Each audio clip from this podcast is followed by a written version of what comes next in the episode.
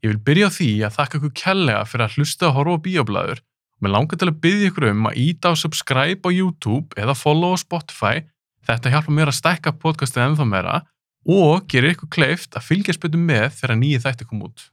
Þessi þáttur er í bóði Sambíóna, Sambíón reyka 5 kveikmyndahús, eitt á Akureyri, eitt í Keflavík, þrjúinn í bænum, Álabakka, Kringlunni og Eirsöll. Eirsöllin er uppáðs bíómiðt, mér finnst bara ekkert toppa sal 1 í Sambjón með Eirsöll. Celsius Energy, þetta er sigurlus orkudrykkur sem kemur nokkur bræðtöndum, þar á meðal Raspberry Akai sem er uppáðsdrykkurum minn. Í hverjum Celsius drykk er 114 mg á koffinni og alls konar vítamin. Hægt er að kaupa Celsius í Hagkup og Netto. Subway, bestu bátnir í bænum, Subway byrður upp á báta, sallöt og vefjur og að sjálfsögðu þessar frábæri smákukur. Ég reynir að hafa með þrjár í desert þegar ég er búin að borða minn upp á spát sem er BMT.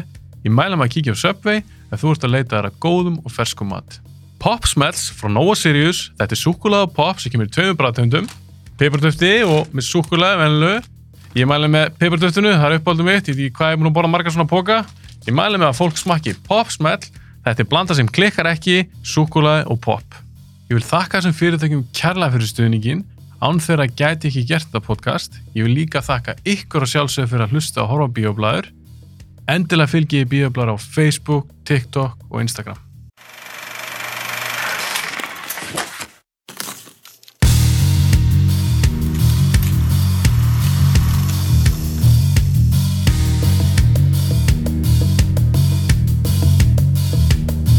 Þetta er svolítið bara eins og lokaðri í One, sko. Það er geðvægt. Hversu cool á það aðri? Þetta er svona intro á þættunum. Það var bara fullkomið sko. Var það fullkom aðri? Já, Ok. alveg bara, alveg maður heyri fyrst andadráttinn og svo bara kveikir hann á killisverðinu og bara óttinn í augunum af þeim. Mhm. Þeir vita í rauninni ekkert hvað er að fara að gerast og hann bara slátur hann. Óla, Óla er satt með aðri? Já, þetta var bara já, fullkomi veitir atrið, það sem maður var búin að býða eftir svo lengi. Mhm. Að sjá hann í alveg aksjóni, sko. Og þú veist hvað hann segir, er ykkur hérna, þegar maður sér bara að það er bara svartur gangur, svo bara kemur raut ljós, bara andadrátturinn og svo er það bara, þú veist, að lifta köllum upp og fleia þeim til og þetta er bara að fl flottasta uppáhald Star Wars atriðin þetta í myndunum, sko. Þetta er upp á Star Wars aðri eitt bara efer. Já, ég bara, ég horfi stundu bara ef ég er að fara að horfa á myndir eða eitthvað Ha. eða þú veist, hef ekki tíma fyrir heila mynd þá Ha. bara fer ég endan og horfa á þetta sko. Þröstur? Já, mér finnst þetta ekki þetta er líka það, þá sérðu líka þegar hann er að taka kallana, hann lokar hendinni alveg og þeir líka, hann er að stúta þeim. Svo læsar hörðinu og það er bara að fara í gegn, ekkert við þetta er svona svo jarði í það. En er pínu leðilegt að við höfum aldrei fengið að sjá Darth Vader bíómynd, hann svona innins prime? Eiríkur? Já, þú veist, ég myndi náttúrulega vilja sjá það sko en Er ekki pínu leðilegt? Jú, ég er bara Þú veist, er þetta atrið nú? Viltu ekki, ekki heila svona, ekki fyrir mig sko viltu ekki heila svona bíómynd? það séu bara eitthvað svo hrættir við að hafa hann, þú veist Sem aðal. ég veit ekki, þú veist hann er náttúrulega aðal karakterinn í fyrstu sex myndunum sko Já, já, þú segir það. Þú veist, þetta, Líka í orginal. þetta er náttúrulega sagan hans Já, líka orginal. Þrýlíkurinn. Fyrir svona Já, aðal kartirinn. já, þú veist, hann er uh, það er hann sem að drefur keisarar sko Já, já, algjörlega. Óla, ertu sammála því að það sé aðal kartirinn? Darth Vader. já, þannig sé sko Mm -hmm. en eða svo tala um líka ég, hérna, ég var alveg til í að fá bara mynd eða þætti eða eitthvað bara um veitir þú veist, á milli myndana sko Mynd, Millir þá Revenge of the Sith og New Hope. já, þú veist, þegar hann er orðin veist, veitir eftir Revenge of the Sith sko og Palpatine er náttúrulega að stýra honum bara Mm -hmm. hann er bara verkværi fyrir honum sko Þú ég væri til að sjá þetta og þarna í hans prime og einmitt eins og bara í Rókvan að vera bara að slátra sko Það væri gaman. Þröstur, var nóg fyrir því að fá út á rókunatri en vildur fá heila mynd? Ég var til að fá heila myndmannum þar sem hann er með Ren Knights og er að fara að slátra fólki og sker hendunar að þeim og fá svona meira splatt, svona eins og Batman og þetta. Taka bara brútal dæmi og það líka má ekki gleymast að Palpatine gerir búningi þannig að það eru nálar sem er að stingast í hann allstaðar, allt í súröfnu og allt þetta og hann er í stanslösu sásöki til þess að koma hann inn á meira sið, þess að vera meira forsið Í alvörinni? í alveg og hann gerði búningi þannig að þegar hann fær raflóst eða fær ströym að þá þjáist hann meira þess vegna til dæmis þegar hann tekur hann í endanum á hérna uh, Empire Strikes Back Nei, var það ekki? Jedi. Jedi, Jedi. Jedi. Þegar hann tekur þar, þá náttúrulega er hann að drepa hann og hann bjarga sínisnum, þannig að ég var til að sjá miklu meira af honum þar sem hann er vondur. Til dæmis eins og þegar hann er hérna, Anakin og þegar hann fer í töskan og bara slátrar öllum. Já, já. Veist, þetta er bara geðvitt og ég- ég eins og ég reyfa eins og sitt. Eins og vorum að tala um á hann með geislaserði, ég var að segja um það sko að þegar hann er Anakin þá er hann alltaf með Jedi geislaserði, þú heyri það. Já, og svo þegar þú kemur insest það sem er Younglings, þá kveikir hann þá heyrur þetta allt veitið, það sem er lengra og meira hljóð. Þá færðu veitir Vissu þið þetta? Nei. Nei, ég var ekki búin að pæla svo líka til dæmis og með veitirinn það sem hann er veist, að búa til veitir og þegar hann er sér satt uh, þegar Padme er að dreipast úr hjartasorg eða hvað það er þegar hann er að breytast í veitir, þegar gríman er að koma á hann þá heyrur hjartsláttinn svo heyrur dýr, og andadrættin hjartabúið, það er búið að drepa Anakin og veitir er komin Já, þá eru samskipti komið þar. Þetta er, þá er svartuðu komin þá vil ég líka, eins og sér til dæmis þegar Palpatine segja, þú drafst Padme. Og þá bara, hann kremur allt hann Þú veist, ég vil sjá hann þar, ég vil hafa hann í þú veist, þessu, drepa alla. Bara fá, bara slátur það er þegar, hérna, í comic book sem að gerist bara strax eftir þessu atrið þá sko þá ætlar hann að drepa bara keisarinn sko hann er svo reyður en keisarinn bara pakkar hann saman og segir að hann gerir þetta aftur þá muni hann drepa hann. Já, er það þá ekki með að gefa hann elding og rafmagni í hérna- búningin og veitir getur til dæmis ekki gert það. Nei, út af því hann er ekki Er er það- bara að missa hendunar hann, Ertu að tala um eftir atrið í Revenge of the Sith? Já. Þegar hann gerir það, no, já það það var gefin út book sem veitir, gerist bara strax eftir það atrið.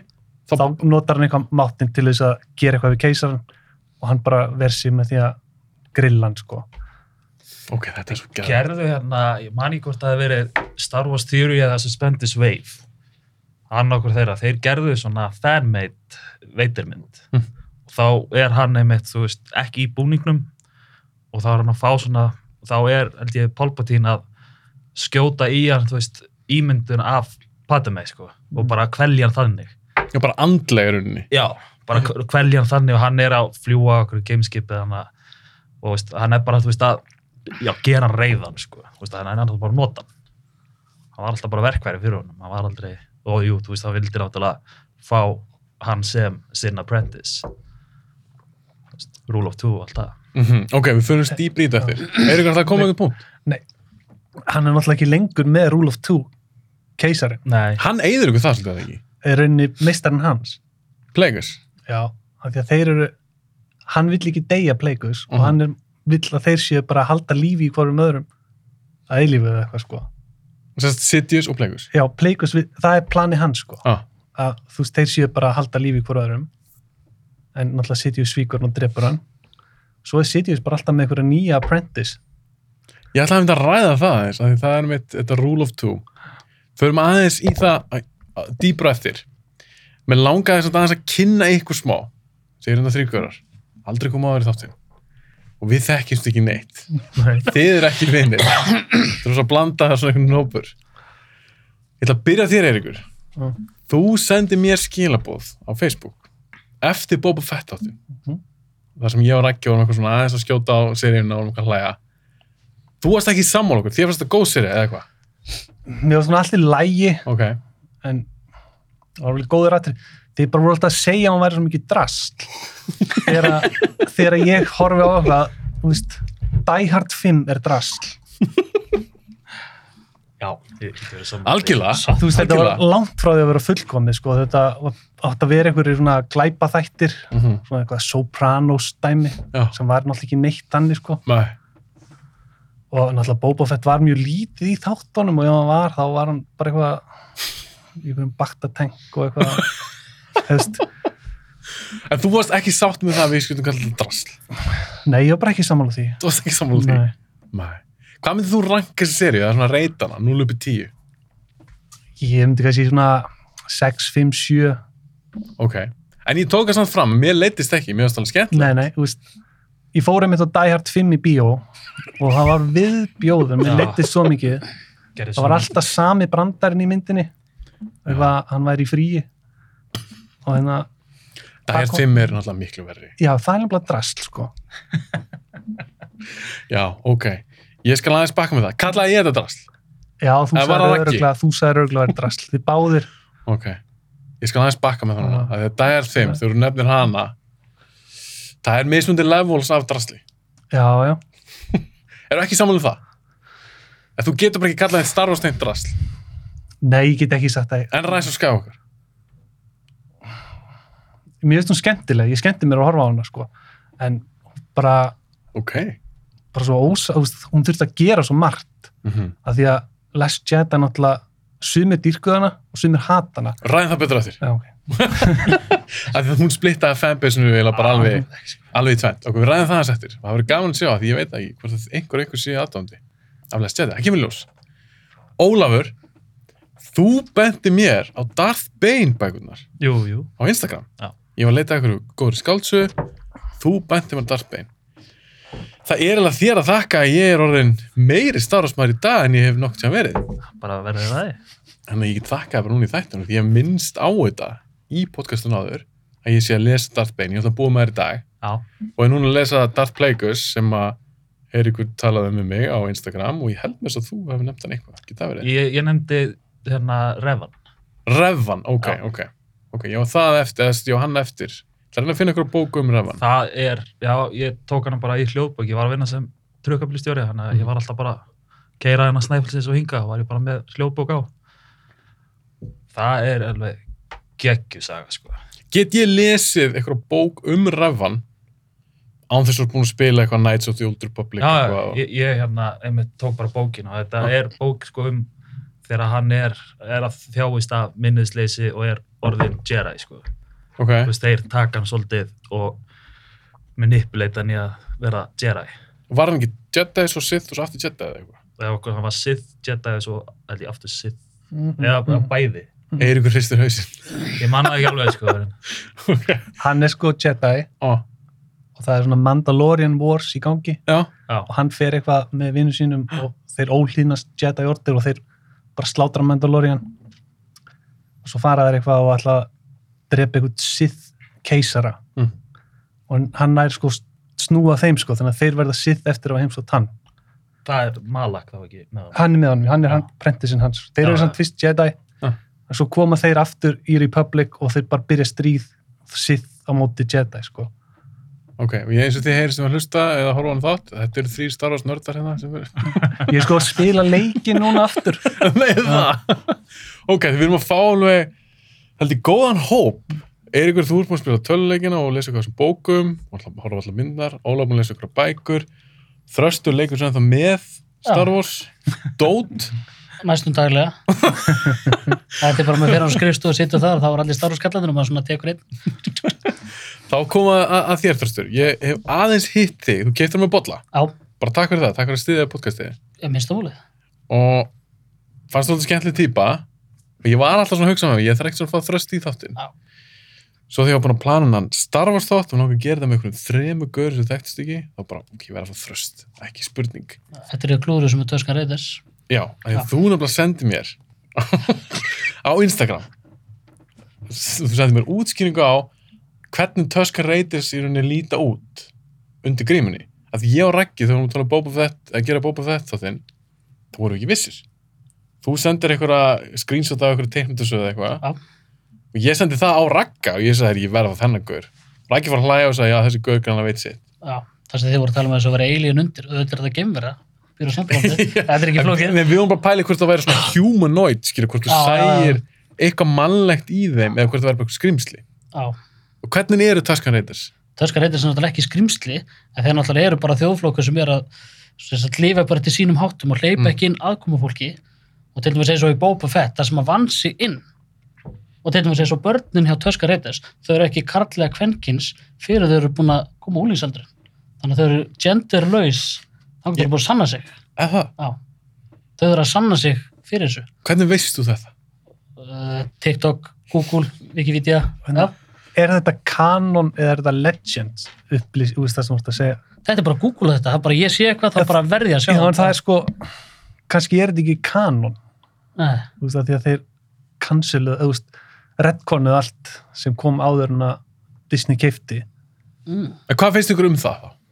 Það, það sem var eitthvað tjáðan kanon, núna bara Disney bara, eða fyrir einhverjum árum, þeir bara svo, nefn, þetta er ekki kanon, þetta er eitthvað núna legend stótt, ætlum bara að byrja eitthvað niður upp og nýtt. Disney alltaf sökkar að því þeir eiga bara að búa til nógu mikið Mm. og vera með allt sem hefur verið fyrir svo til dæmis þúsund ár fyrir, fjögúðust ár fyrir koma með þeir sögur líka mér vantar það, ég er ekki bókonu til dæmis ég horf bara myndirnar og þættina og svo kemur eitthvað það bara, ok, til dæmis eins og með bækunar kemur hérna eins og það sem þið voru að tala um það sem fara sem sagt uh, eru Jedi, fara svo verið sitt þetta er eitthvað Mhm. case og ég vissi þetta ekkert mér langar að fá þetta í bíómyndir þetta er eins og með Darth Bane Þú veist, þessar þrjár bækur ég held að það væri bila góðu þrýleikur í bíómynd sko. ef við myndum bara fá almennilega þú veist, leikstjóra og prodúsera þá væri hægt að gera geggjaða bíómynd sko. af því að þetta er svo ógeðslega skemmtilegu karakter og svo hans apprentice hana, Sanna Geggjasvöl. geggjasvöl sko. og þetta er bara að gera svo þetta er svo stórt En hvað þér þá um það, Ólafur, þegar þú elskar Darth Bane dóti? Disney eru búin að segja bara, þetta gerðist ekki. já, minnst að kjafta þið Hefur það áhrif á þig að hugsa með, að þetta er samt góð saga? Nei, það hefur ekkert áhrif á mig, sko. Veist, ég fíla bara söguna. eins og uh, hvernig hún er bara. En þetta er leiðilegt ef þeir koma kannski með sem bara eitthvað bíómynd okkur þætti þar sem Darth Bane er karakter en þetta er ekkert sami karakter þú lastum.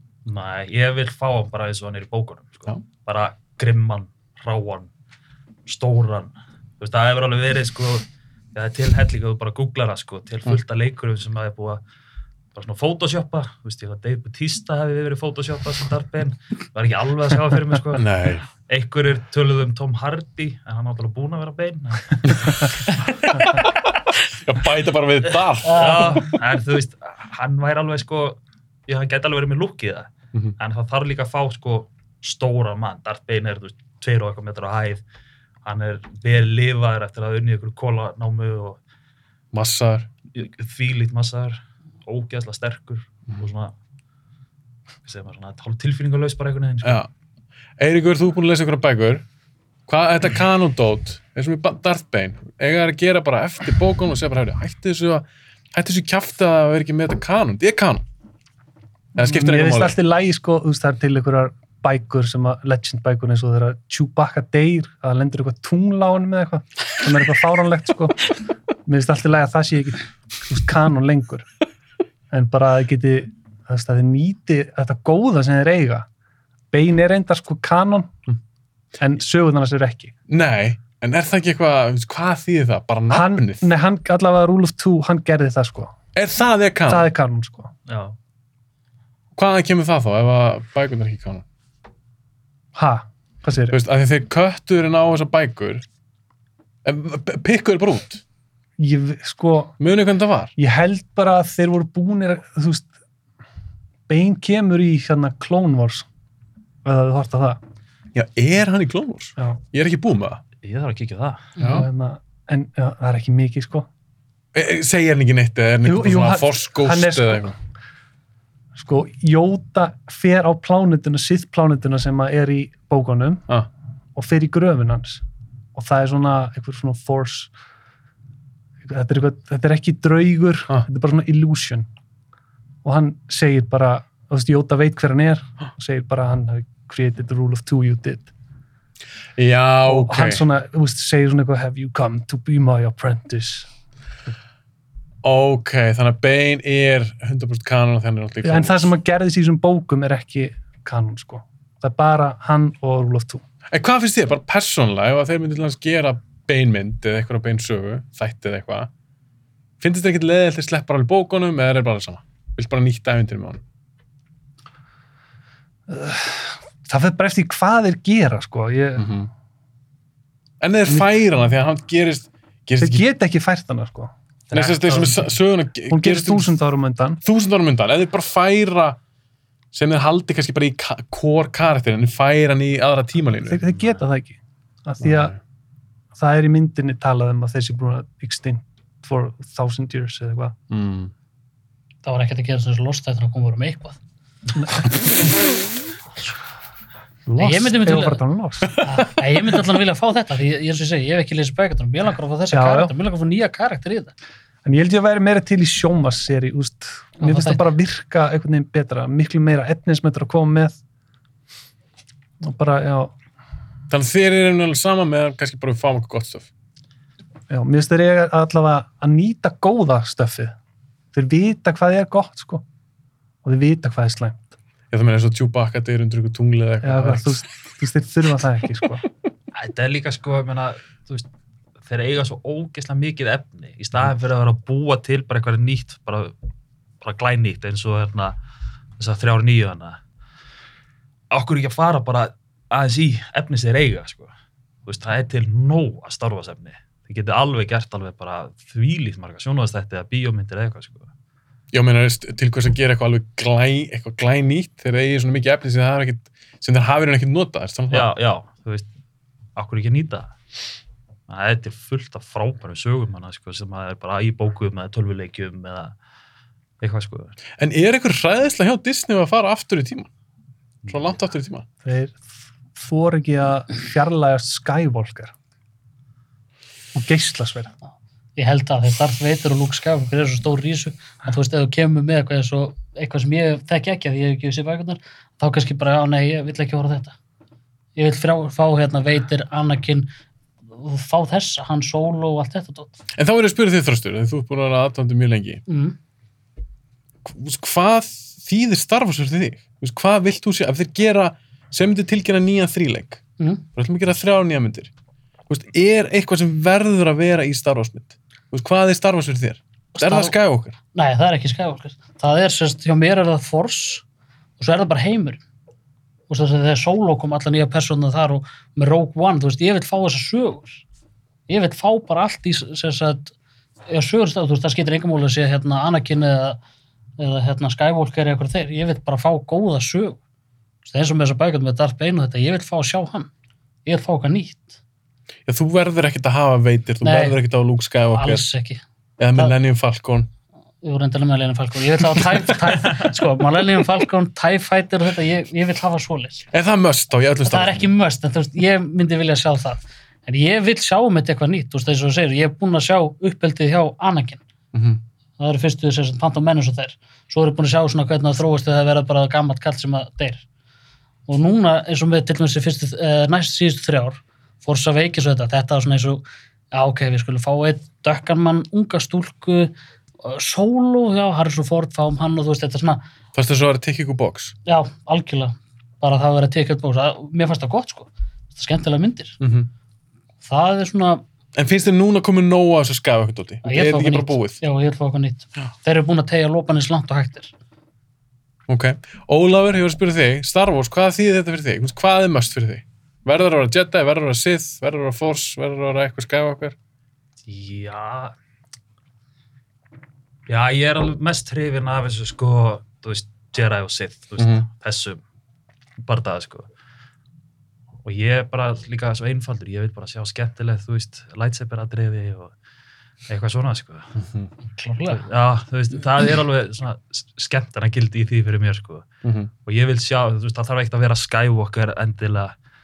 Ég er alveg til að fá bara alveg nýtt efni sko, þú veist, eða eitthvað sem að er bara til nú þegar. Þú þarft ekkert endla að fá okkar kara sem þú þekk. Nei, nei, nei. Þú veist, eins og talaður um, það er búið að tegja þarna Skywalker sögurna alveg, þú veist, þú getur eiginlega ekki gert meira með það, sko, ekki nema að komið fjórða myndir um Rey Skywalker. en svo má náttúrulega ekki koma svona annar svona gungan fight versus robot þess að var í hérna það já, Já. það má ekki eitthvað túnu og svo bara svona Windows bakgrunnur þetta má ekki, ég, ég er enda að horfa á þá mynd oft út af hljóðinu þess að var heimbíð þetta svo kemur þetta aðrið og svona að svo spóla, þetta er, við veist þetta er ekki gott Og við förum aðeins í Phantom Menace eftir. Eiríkur, hvað, Star Wars, hvað merkir fyrir þig? Hvað vilt þú sjá í bíómyndum? Er eitthvað must?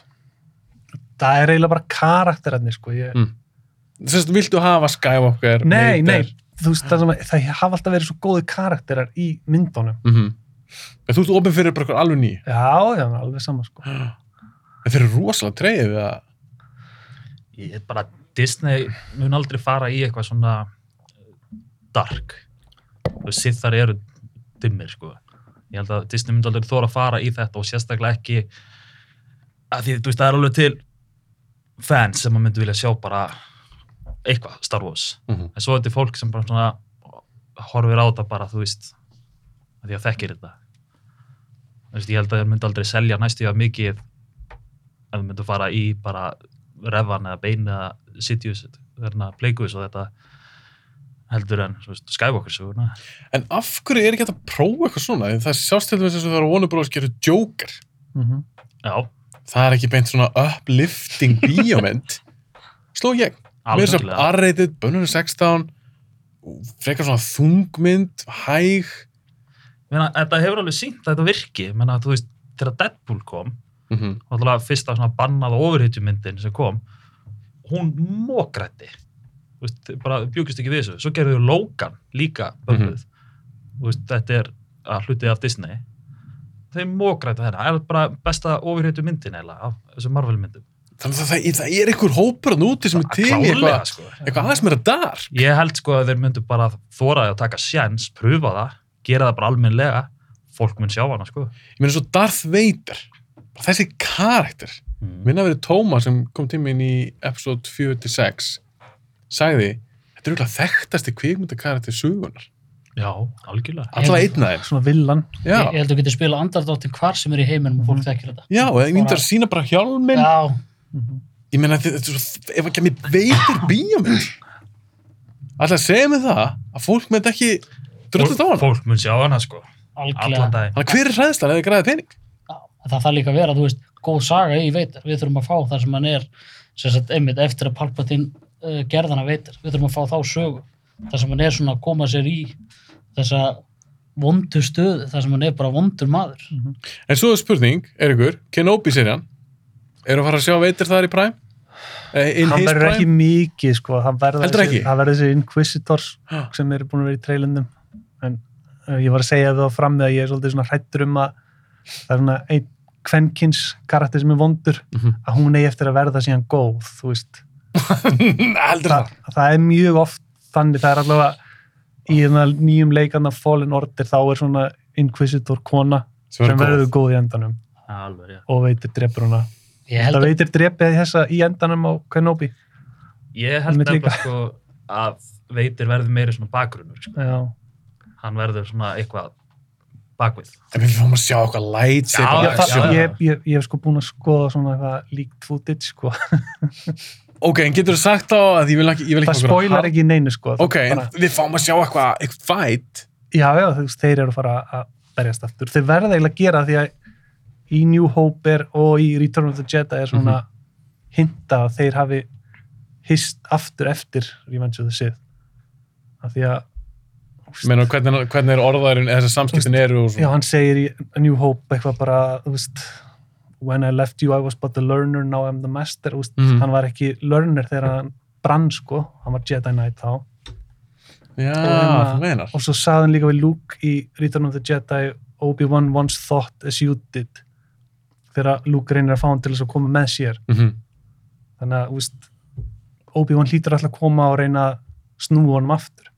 já, bara bjargunum Já, í rauninni. ég, en eitt hérna, hafið þið séð vídeoð á YouTube það sem að hérna Og endur gera barðan. já, Já, horfðu hann á þann. þetta er sko að, svona vill ég sjá í bíómynd sko. þetta var sem er bara geggja lightsaber aðrið Það var ekki hægt að gera þetta 1977. nei, nei, nei, ég veit það sko. gátt en, þú ekki veist, látið geislasinni snertast. Maður sér meira þess að hérna snúruna úr erminni hjá honum hérna En þá verður að spyrja ykkur út í það, og gott að myndist á þetta aðri, að því ég er nýbúin að sjá það líka, ég hafði aldrei séð það. þetta er ógæðislega gott Atrið sér slíkt, æðislegt. En ef þú myndir taka það og splæsa það inn í 77 myndina, var það ekki fucking skrítið. Jó, ég er bara meira sko, meina, ég vil- myndi vilja sjá veist, framtíðina svona svona barða stíl sko. Ekki eins og þú veist í príkvólunum, geggju lightsaber aðrið þar sko, Mhm, bara Duel of Fate er bara eitt uppáhalds Star Wars aðriðið mitt. Mhm. svo komaði með nýju myndinar og þeir, þau eru eins og að sé að sveifla sverðum 77 Mér fannst reynda flott atriði sko í Force Awakens Já, það var Í skóginum. í skóinum Það var tröflað. en mér varst í prequels það er, það er svo mikið svona eins og þetta sé dans sko, þetta er svo koreografað Snúa en sér þetta er náttúrulega og- ógeðslega flott sko. Ma, ég heyrði það líka, þú veist, viðtal við hann hérna, Jú McGregor, þegar þeir eru að berjast hérna, hann er að berjast við Darth Maulana, þetta átti ekkert að vera svona hratt. þeir bara voru búin að æfa sig svo mikið og svo voru við bara í ykkur gýr og þeir bara byrjuðu að sveifla, sko, þetta er náttúrulega bara dans, sko. og Jón McGregor gerði alltaf geislasveits hljóðin Já, já. Hver myndi ekki gera það? Þröstur, þá verður ég að spyrja þig. Þú sagði við mig að uppáðskartið þinn í Star Wars er, Töskan reytis og Wookie. já, þessar þessa tegundir. Af hverju er þetta uppáðstegundir þínar? Ertu ekkert fyrir Jedi og lightsaber og... Sko, ég, við finnst ég að vera svona kerlingar. Ég vil fá sitt þar sem þeir eru, þú veist, að því vonda er alltaf gott hjá mér. Ok. Ég held alltaf með vonda kallir. Mhm. Ég En var Wookiees, er þið ekki góður? Sko, Wookiees er alveg góðir en þú veist, þeir geta rifið í sundur. Þú veist, það er bara, he can rip your arms off.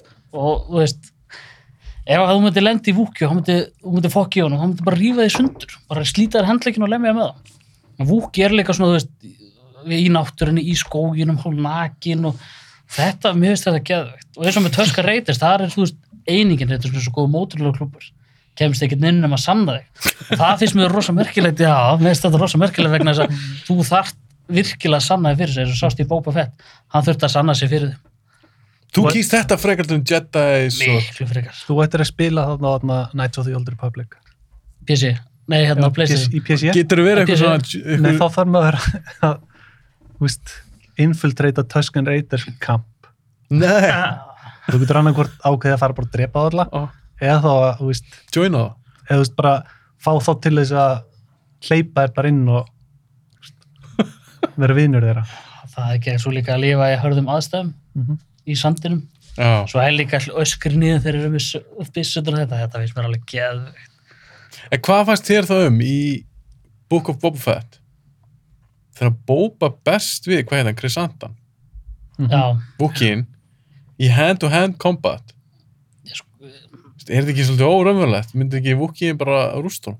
þetta tækir svona þrjá sekundur þar sem hann myndi tækja hausunum og kremja hann og hann líka þeir bara geta skotið en hann var svofandi Já, svo, svo er líka til dæmis eins og þú sér þarna í lokatrið þar sem er búið að skjóta Krastan alveg í klessu eitthvað hann er ennþá með fullt af gaurum á sér að þú veist, þú drepur hann að gaur ekki en aftur, hann var gerður á góðum hann er sko í comic book þá er hann bara eitthvað geðsjúklingur ég, sko. ég sá þannig að það sem var í glatið þá var hann að rífa, eins og til Já. dæmis þegar hann kom með eðlukellur Já, tapa, já. Veist, þetta var, að því að Disney er náttúrulega, að fjölskylda, það verður að vera gott, æ, hann er svo loðin og fallegur nei, hann tekur og drepur þig þú veist, ég veit sjá Wookie sko koma það sem eitthvað kemur, taka í fótinn á hann og fleja Mhm.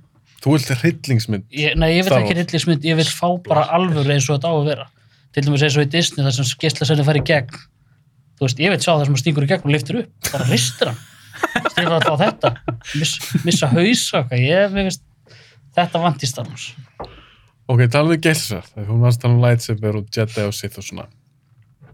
Hver er besti lightsaber fætin í öllum myndunum? Ólafur, hvað er með þitt? Þú mátt velja eitt aðri. Obi-Wan og Darth Maul. Þess að Duel of Fates aðri í Phantom Menace. Mér finnst það bara svo fullkomið. Eiríkur, besta lightsaber aðri í öllum myndunum. Ég veit það ekki þú veist. Máttu ekkert upp á alls. nei, ég eiginlega ekki sko. mér finnst þarna Jóta Count Dooku, mér finnst það svona aðeins svo mikið þú veist, Hoppum og eitthvað svona. mér finnst það full mikið Mm. en annars finnst mér bara all Fín. fín sko, ég, eins og ég sé mjög Force Awakens atrið mjög flott sko og eiginlega og það er eiginlega bara út af Adam Driver mér finnst hann svo flottur í þeirri mynd sko og í þeim Æðislur. Æðislur. geggjar Hann er líka leikari svona man crush gaur já, já, En þröstur, þó þú sett svona Wookiee gaur og Tuska Reytiskæi, áttu eitthvað svona upp á alls lightsaber e, e, fæta já, myndunum? það er auðvitað það lúk og veitir er að taka skilmingadrið sitt enda svo út á palli þar sem að kennst að hann er fæður hans það er reyndar Já, Empire. Ah, já, you, uh, you should know the dark side, the power of the dark side. You, uh, you uh, Obi-Wan told me you killed my father. No, I am það, þú veist, og, og, þú veist, ég vilja sjá meira, ég vilja sjá bara tveggja tíma þeim að slást.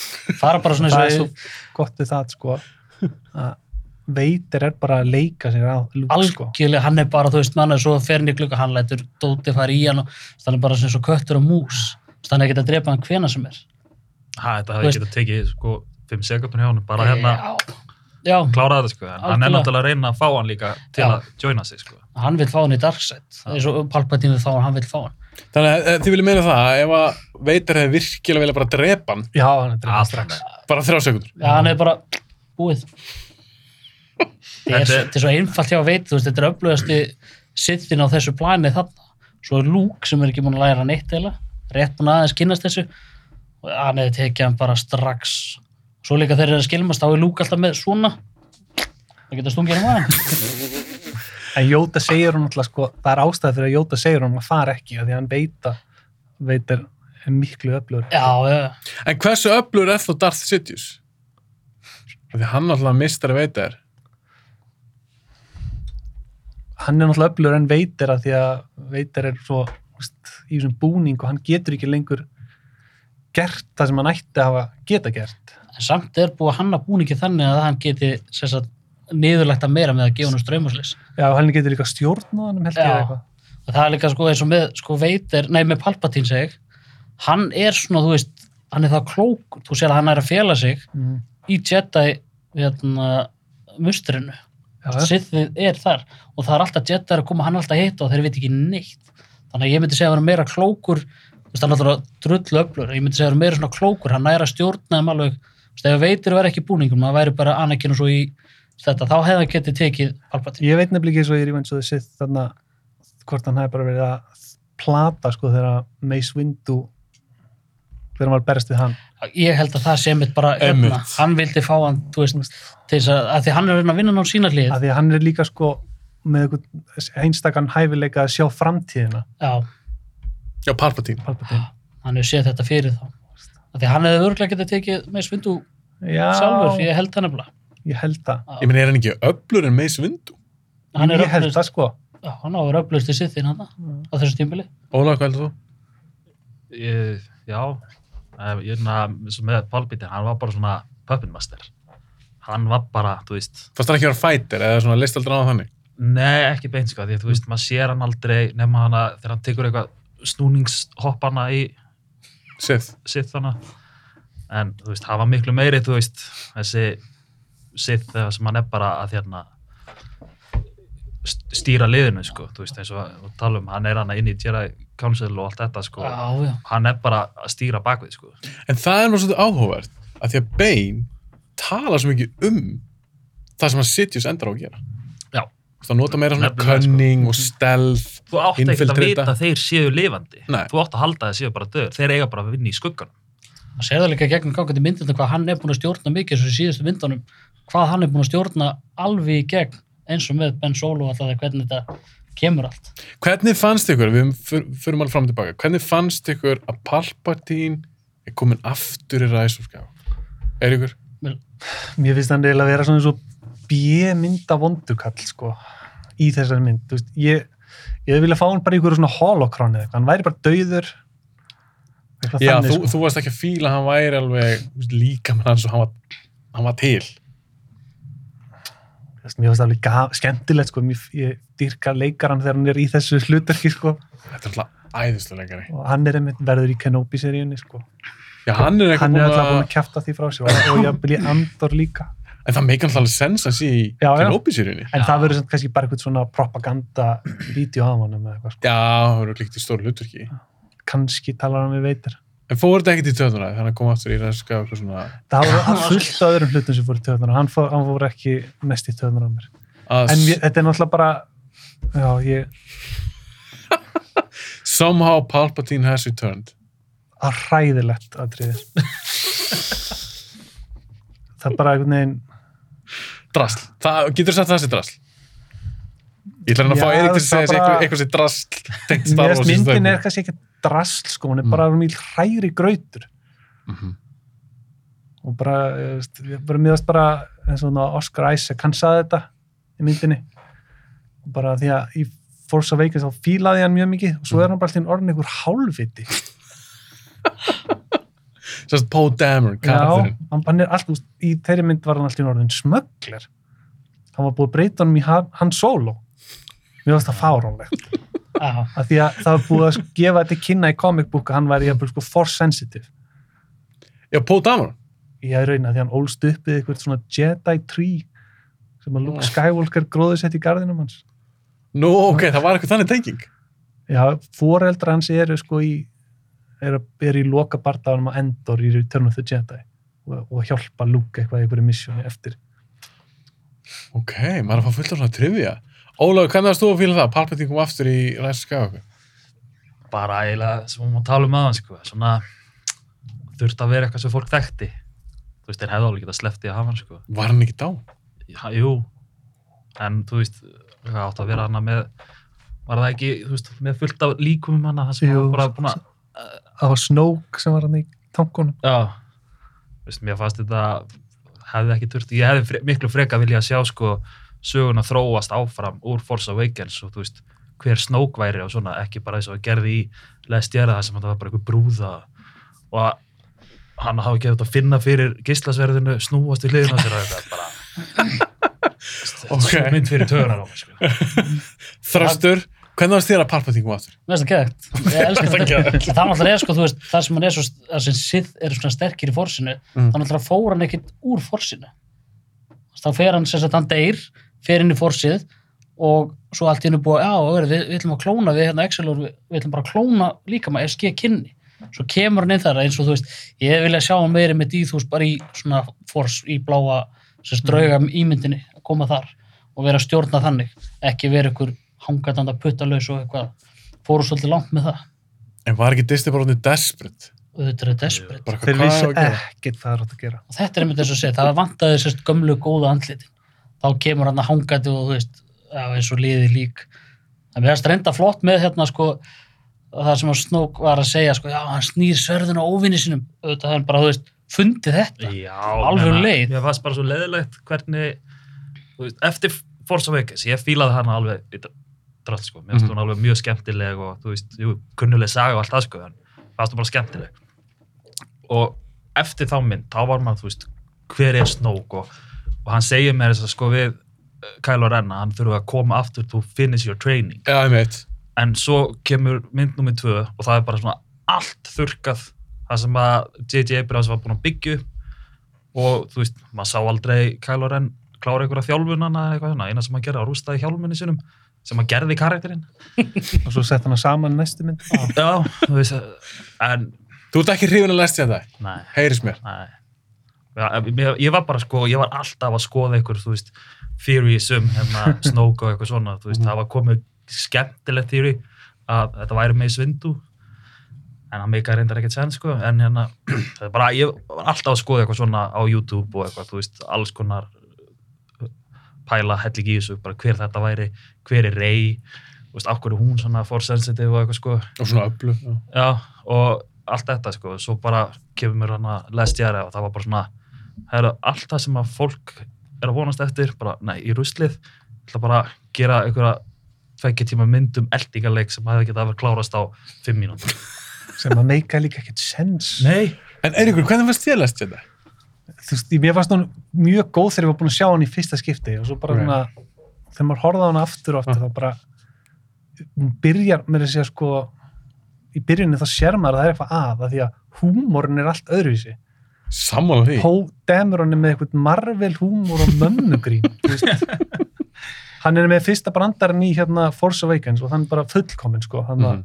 með hjálminn svo er hann bara orðin einhver algjör hálfviti alla myndina og þessi eldingarleikur með að þurfa alltaf að skjóta eftir gameskipinu og það dettur alltaf niður sko já, líka sko, þú veist, þeir eru eitthvað, við erum alveg að vera bensinlösu, við Já, erum bara að dólita hérna, þú erum eitthvað fókið risa stardistróður bak við sig og þeir eru eitthvað, "Ei, höldum okkur aðeins aftur, skjótu svona fyrir framan þau. Já, minnum á okkur. Já, Og líka bara bara, hvað við ætlum að klára þetta. Farið bara hinum með við og takja það. og svo Já, var bara karaktarinnir þeim voru bara átnir allt öðruvísi en þeim voru í hinni myndinni og svo líka eh, fyrir sem utan að Finn, hann var sami karakterin og hann var í byrjunum á myndinni en svo svona, já, svo gjörsalega tilgangslist að þetta ástar atriðana milli Kylo Ren og Og hennar Rey. Rey, sko, alveg, alveg mátt sleppa því, sko. fyrir sjálflegt Já, og líka, þú veist, þegar þau eru hana búin að drepa Snoke, Mm.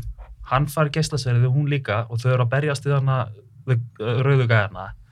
Þetta er bara eins og, þú veist, lélögu dansa eitthvað, þau eru bara eitthvað, uh, þú veist, það hefði geta gert geggja slagsmáladrið hana. það er ekki neitt neitt atrið í myndina sem að lightsabers þú veist, fara saman Nei. Nei, það er góð punktur. Það er, einmitt, þau ætlar saman á móti svona rauðu gæði, og þegar Luke er að hann þá snertast sverðin aldrei skandal. Þröstur, Þetta þú elskar skandall. allt í Star Wars. Ég vil fá geislasæði með þú veist, og framan í kvotnan og íta þú veist þess að var í Awakens þannig að var að taka Finn mm -hmm. og stingur í hendina hann ég vil sjá snertinguna á geislasæði Þú vilt slátrun. Ekki alveg í þessu, ég vil fá svona flotta barda og flott geislasæði, slátur líka reyndar en ég myndi vilja eins og þessi eldingalegur, ég, þú veist Hvernig fannst Legend- Last Jedi? Hvernig fannst þú?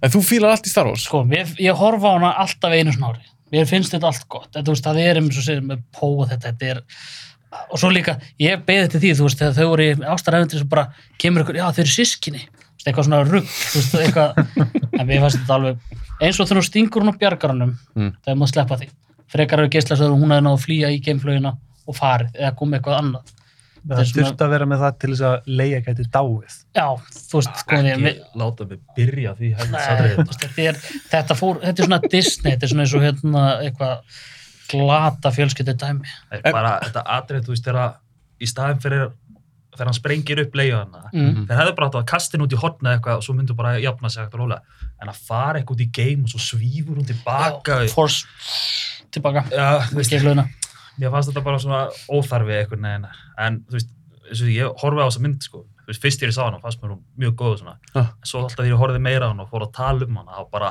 þá lækkar hann hver einasta hver einasta skipti hjá mér.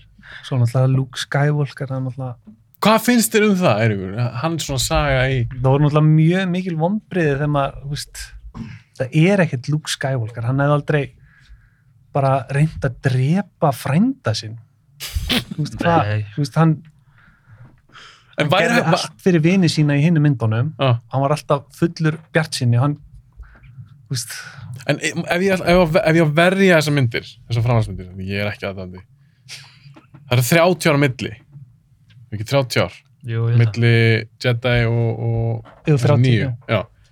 Ég er ekki hægt að fara raukur því, ég meina, þetta eru 30 ár, Luke Skywalker er bara búin að breytast, þetta er ekkert endilega sami karakter og í gömlu myndunum. ég hef alveg keift að hann væri sko eitthvað svona bara í felum og væri svona veist, út af því sem gerðist að hann hafi vorið vondur Ben Solo Mm -hmm. en ekki það að hann hafi reynd að drepa hann og það hafi verið ástæðan fyrir að hann varð vondur Nei. þú veist mér finnst það ekki passa við karakterin og svo það er bara, Nei, ég meina, svo hann Luke- gerir ekki neitt annað en að vera í fílu og bara og segja alltaf að kenna henni einhverja þrjár leksjur og kenna henni bara tvær Já.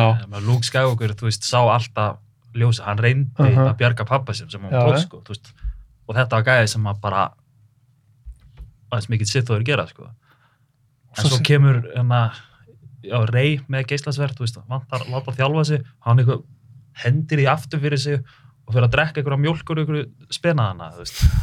Mark Hamill náttúrulega hataði þetta þessa breytingu á karakterinu Mm bara vilt ekki, eða veist Hún var skrítið að Ryan Johnson segi Luke Skywalker svona fyrir sér. já, Hann bara, hún fannst það bara skrítið. ég hef ekkert að móti að hann myndi deyja sko Ah. Veist, ég gerði alveg ráð fyrir að hann myndi deyja eitthvað tíman í þessum myndum sko En hefði það kannski átt að gerast í nýjundu myndinni? Já, Þannig fyrst að Carrie sko- Fisher dó hann að rétt var hann frumsýndir það geta bara klift þetta út að hann dáið Já. Þröstur, þú elskar þetta allt. Ég elskar þetta alltaf, þetta- ég var fyrir vonbröð með þetta sko. Þetta eins, svona, en þá er bara að spyrja það, þessi nýji þrýleikur. Awakens, Last Jedi, Rise of Skywalker, bara heilt en litið. mér finnst alltaf leið sko, en Allt í lægi. Já, mér finnst þetta ekki Ekkert meira en það. geggjað, mér finnst allt í lagi. Mér finnst sko rey, þetta er svo mikið fokking vælikjói sko. Hún Er er, hún alveg sko, hún er vælikjói, þú veist, eins og til dæmis þegar hún er að koma til uh, á eigin aftur ætlar að fara, ætla bara að vera hérna og fela mig svo þú lúk, þú veist, nei, þú verður að fara, þú veist, ég óttið þinn og eitthvað, en ég er palpatinn, já, ok, þú veist, nei, mér finnst þetta, ég hefði viljað fá hana meira svona, þú veist, hún elst upp alin, Mm -hmm. á sandblándu það sem er ömulegt líf og búin að græða sér þar og orðið þetta gömul. Og fer svo út í game, fær Millennium Falcon þú veist, Mhm. og hittir hann solo Þú veist, þetta, var meira svona upplöndið að hún ætti því að ok, ég geti verið Jedi og þú veist, með sterkan sko, mjög sterkan í Force eða náttúrulega í Sith reyndar en í Force sko, þannig að hún er hefði getað verið betri persóna mikið betri persóna Finnst þið Luke Skywalker skemmtilegri aðalpersona? Sérst að Ekki mér er þessu. orginal þrýlíkin. já, mér finnst það mér finnst að ég er náttúrulega það ungur þegar ég kynist því það hann er búin að alast upp með mér svo lengi kannski eftir tíu ár þegar ég er búin að horfa á þetta aftur og aftur og aftur þá svona venst hún. En mér finnst hún ekki nógu góð. Eins og til dæmis þegar hún voru að bjargast úr hellinum hún liftir upp steinunum komið okkur silfur yfir bögga mig geðveikt. Bara ég næ ekki hverju datt í það. Ég vil að fá hverju svona java, ísjava þetta er, já, þetta er miklu betra. Það, mér fannst, ég var fyrir ombröðum með rey Finn finnst mér skemmtilegur. En fekk hann eitthvað að gera? Finn, ekki neitt. Nei, ekki neitt. það sem hann gerði var tilgangslöst algjör, svo meðast það besta þegar kom hann að hlaupandi í eðumrykina og fann hérna BB-8 unit kemur liðakanum og hún fyrir eitthvað böggan og svo bara fokkast allt, það er bara ok, það eru TIE Fighters að koma. Alltaf fokkast í honum, hann alltaf rífi á henni, það fannst mér heldur fyndið. Hann er góður finnst mér í fyrstu myndinni sko. algjörlega, en svo Já. bara í önnar myndinni og bara, er, gerum bara aftur það sem hann gerði í hinn myndinni nema að láta það ekki skipta neinu máli. Já, eða bara gera verra, verra hlutina verra Mér langar að bakka aðeins í prequels. Af því prequels myndunar fengur þess mikið hatur sín tíma. Sérstaklega kannski frá eldra fólki sem ólst upp fyrir gömlu og sá sem prequels og bara, að þetta er bara eitthvað batnadót, þetta er bara eitthvað drasl. Svo virðist vera eins og fólk sem byrja að meta, að kunna betur að meta prequels, sérstaklega eftir sequels. Þá er ég bara að spyrja ykkur, byrjum að styrja ykkur. Prequels myndunar, hvernig fannst þér þær? Finnst þér að hafa skánað? Ertu sömu skoðunar? Hvað ertu statið með það? ég hef aldrei hatað það sko, ég var bara örgulega 12 ára þegar episode 1 kom og bara ég elska þetta náttúrulega allt sko Mm -hmm. bara, mér finnst það mjög fína en náttúrulega Finnst þér að eldast vel, eða finnst þér að betri í dag? Eða? mér finnst það bara alveg eins náttúrulega, eftir ég var samt eldri og fór ég Mm. að taka eftir eins og hvað Attack of the Clones og veist, hvað Anakin Skywalker karakterin er bara hræðilegur og George Lucas kann ekki að leikstýra mynd. Það er bara tekin ein taka af hlutunum og svo bara gott. Hver er besta prequels? það er náttúrulega nummer þrjú þannig að Revenge of the Sith. Erum við allir saman um það? já, algjörlega. Og Ólafi líka? en ég verður endur að vara að horfa á hann um daginn sko, þú veist, tók alveg eftir þú veist, samtölum voru svolítið skrítin sko, eins og þegar hann er að segja að Palpatine sé Sith. þú veist, þetta er eitthvað svo það er enga tilfinningar í því sem er verið að segja Nei, Lucas er kannski ekki best að skrifa eitthvað svona gott Sko- svo. Nei, sko, hana, Ron Howard sem að leikstýrið þarna sólumyndinni, Mm -hmm. hann leik í American Graffiti 73 eða eitthvað Ah. og Lucas leikstýrið þeirri mynd og hann sagði við George Lucas að hann væri að hugsa um að verða leikstjóri Mm. og George Lucas sagði við hann að hann ætti ekki að gera það hann ætti frekar að fara í animation af því að þá þurfti hann ekki að vinna með leikurum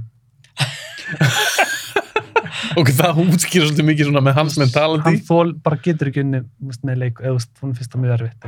Sem hann fann að halda að Lucas sé bara eitthvað svona hálfgjörð velmenni, bara eitthvað niður. hann er ógeðslega góður að gera sögu og bara svona þetta world building dæmi Já, sjúklega. er hann ekki bara eitthvað einhverju með Asperger og eitthvað og bara einu sjálfur sér og bestu þar eins og segir samtöluðum vill, þetta er alveg og heitin Kristjansen, það kemur svona hann er betri í Revenge of the Sin en hann er alltaf hræðilegur í Attack of the Clones já, En er það hann eða hann? það er, það er George Lucas bara Þetta er bara ekki nógu vel skrifað, sko. Ólafur, hvað er þú með prequels? Ég fíla sko. Það veist, ég horfa alltaf á þær og... He hefur eitthvað breyst? Já, ég kunni meira með það núna, sko. Bara út af, þú veist, allri sögur í heild sinni. Mhm. Þú veist, eins og, mér fannst þess að Fanta Mannes, veist, hún var alltaf einhvern veginn góð í minningunni, svo horfi ég á hana og er ég að, "Að, þetta er alveg ekki það góð mynd, sko. En er hún leiðinleg? Nei, nei, hún er ekkert leiðileg, sko. Ég, mm Mhm. ég horfa á hana og mér ég alveg skemmti mér yfir möllum, sko. En eins og með Attack of the Clones, þú veist, það er bara, lélegt dialog í henni. Eins og ég hann á vídeo sem ég sendi um daginn, að, veist, að drepa pata mig, þá, þarf hann að senda, já, að senda hérna bounty hunter sem að sendi svo einhver annan bounty hunter sem sendir einhverja pöttur Nei, hann sendi vélmenn svo sem sendi Já, pöttuna sem sendir pöttur og á meðan Boba Fett nei, Nei, hérna Django. Django Fett þú veist, á meðan hérna Obi-Wan og Anakin fara að eldast við bounty hunter, hafa hann geta bara farið inn í herbyggju það bara, búm, búið. Verkið er búið, nei, hann að frekar að drepa vinkonu sína. Já.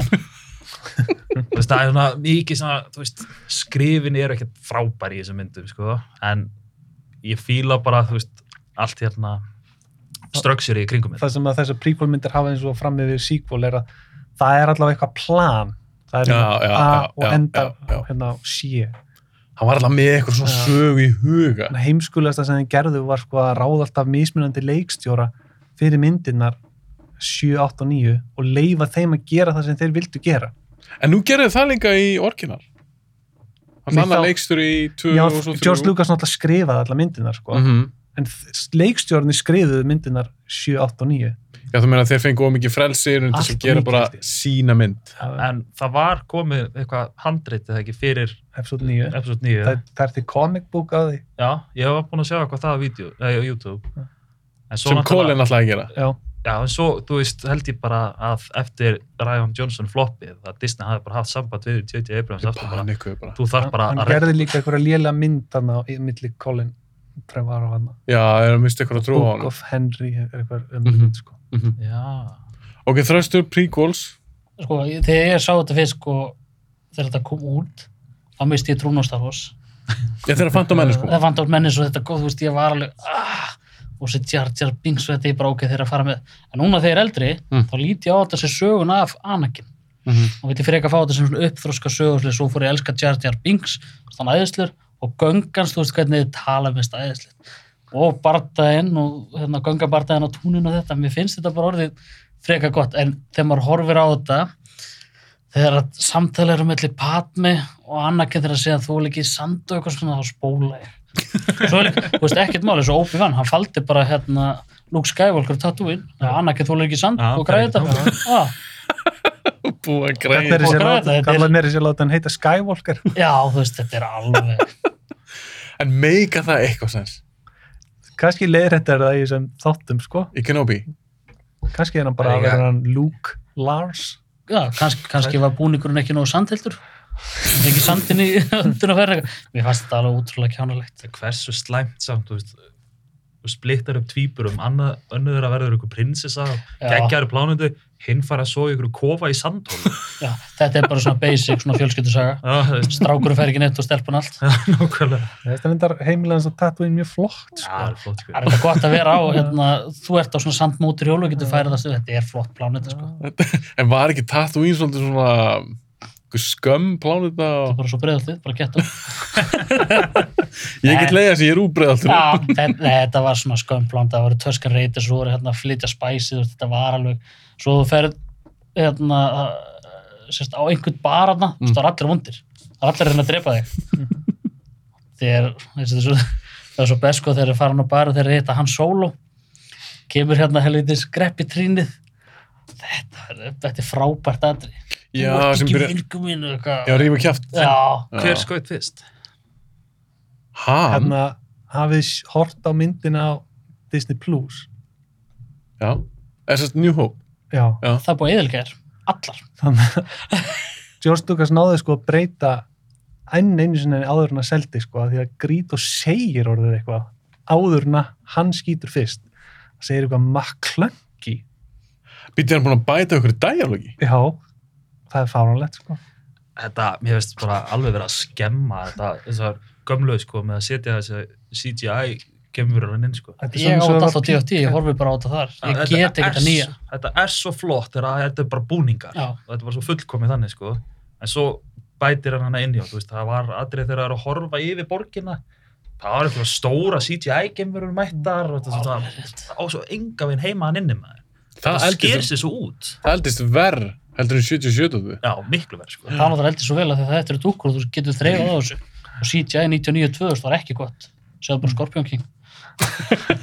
Þetta er sko, já, svo ég, svo bætin í gömlu myndunar, að því ég horfði þetta á DFT, Mm. svo downloadaði þessu á Disney Plus og ég var bara, hvað er þetta? Svo eru Stormtroopers komnir á okkur ég veit ekki, svín hann í eyðimörkinni, hvað þetta var, þetta má ekki. eina góða breytingin var bara hans þegar hann setti Palpatine breytti honum í Empire Strikes Back Já, Já, já, já. Þegar hann er að tala við hann Já. í eitthvað svona... Já, það er... það virkaði alveg, þú veist Hvernig var... Ég man ekki svo hvernig það var í og gólmynd. sá ekki neitt eiginlega þetta var bara eitthvað eitthvað kona sem að lék keisaran Já, þetta var ekkert Ian McDermott. nei, En hann leik hann í Jedi, eða ekki? jú, Já, já, já. Um mitt, um mitt. það var hann bara þrítur eða eitthvað Já, ungur þá. En það er eitt í príkóla sem ég dyrka, og maður sjá hvernig þið fílið líka, Darth Maul. Já, Já, hann er geggjað, sko. hann Er, er hann cool Sith karakter, Ólafur? geggjaður sko. bara leðilegt hvernig við fórum með hann hann hefði átt að vera, ég hefði viljað sjá hann í öllum príkólunum sko.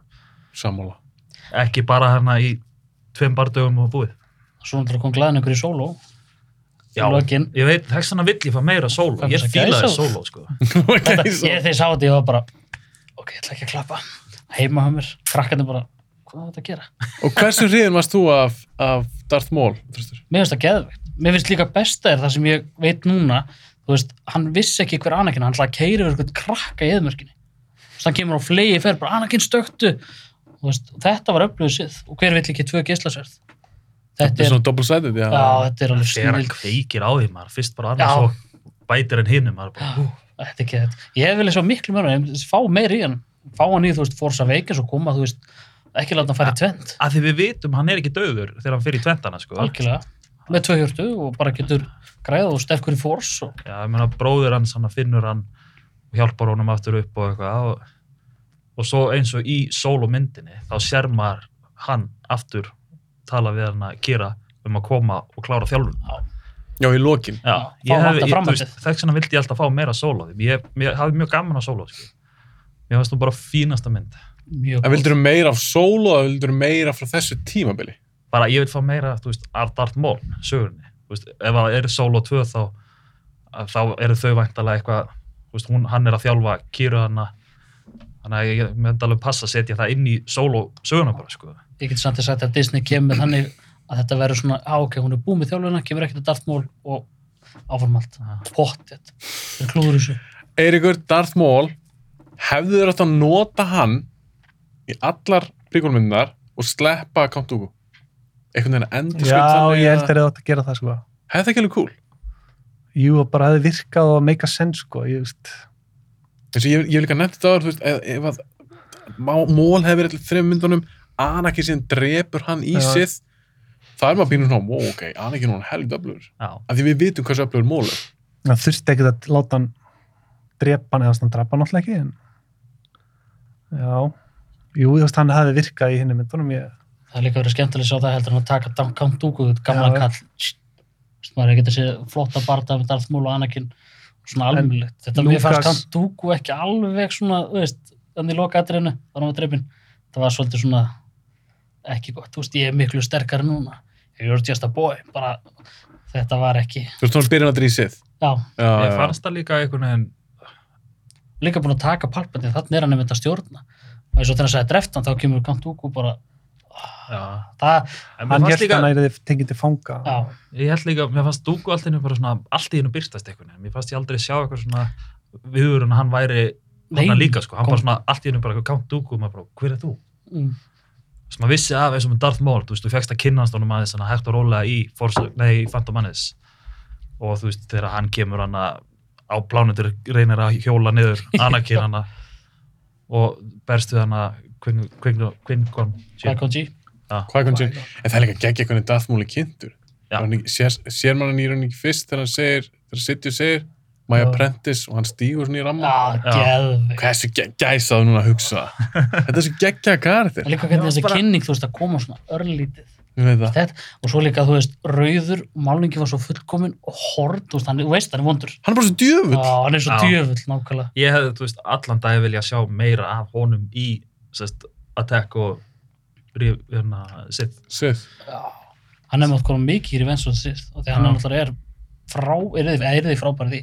en þekkið eitthvað sögur hans Ég veit alveg, Ég er bara að sé já. lesið, sko.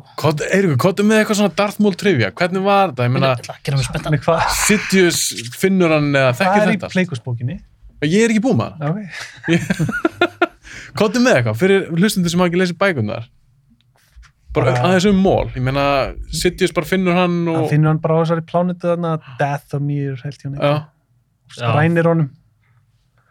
Og er bara, hann er svona secret apprentice hjá honum. Var hann ekki að hann líka, okkur? Ég Já. að hann væri, hefði verið að pínta hann og verið bara vondu við hann. Jú, minni það, minni það, en svo náttúrulega að því að þessi pleikusbók, hún nær inn í Phantom Menace. já, Og- er það Mér finnst, að þú, lesa mér fannst nefnilega svo gott hún eiginlega svona breytti svolítið þeirri mynd fyrir minn, hún endur ekki kanon Ah. ah. en eins og þetta aðrið þegar hann kynir Darth Maul þá er Sidious ennþá apprentice Hann- hann. hann er ekki búin að drepa meistana sinn byrju, er sem sagt, á- Plagueis lifandi já, í byrjun af Phantom Menace? mm hann Ég er meira að segja sko í hérna atriðin í þeirri mynd þegar þeir koma til te- hana kóruskant hana Jedi. Qui-Gon Jinn með Anakin Já, fara á svona pall og hitta kanslaran sem er þá Já. þá er Pleikus á þessum palli líka shit, ég veist þetta ekki. Þetta er ekki eitt.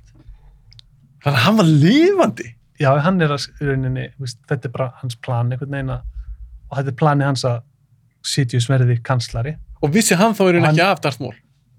jú, hann vissi á honum. En var hann alveg sama að Sidious væri með annan að hann, þeir líti ekki á hann sem einhvern svona Sith, Ah, það var bara einhvern svona verkfæri. En hann er samt svona úst, hann náttúrulega er sið man ekki alveg hvernig það var en hann eitthvað, úst, þeir sendur eitthvað mission og hann eiginlega næstu í klúðra hlutunum með því að revíla sið á vittlisum tíma sko, Nei. minni það Ég er svo spenntur að klána. Ég er búið með, þetta er eitthvað 5-6 blasuna bók. Ég er búið með kannski 250 Ertu búin að hitta Palpatine Já, já, mér finnst það æðislega hvernig er kynna hann. og hann drepi fjölskyldunum sína Það er svo geggja. Sérst í bókina, það er svo geggja. Og maður fær alveg strax bara einhvern en veginn þessi bók breytti fantamenni svolítið svona, úst, fyrir þér. það er svona gamanast, þú veist, þegar Sidious er, þá bara á, hann er ekki alveg, veist hann er einhver annars sem stjórnar honum, sko Já, vá, ég vissi ekki að hann væri lifandi. Bleikus, að ég er svolítið spenntur um að sjá hvernig það, eða ég veit alltaf hann drefur hann, já, hvernig það einhvern veginn þróast. Svo sagði ég líka að það er til eitthvað bók um Darth Maul. Ég held að þetta er Lockdown.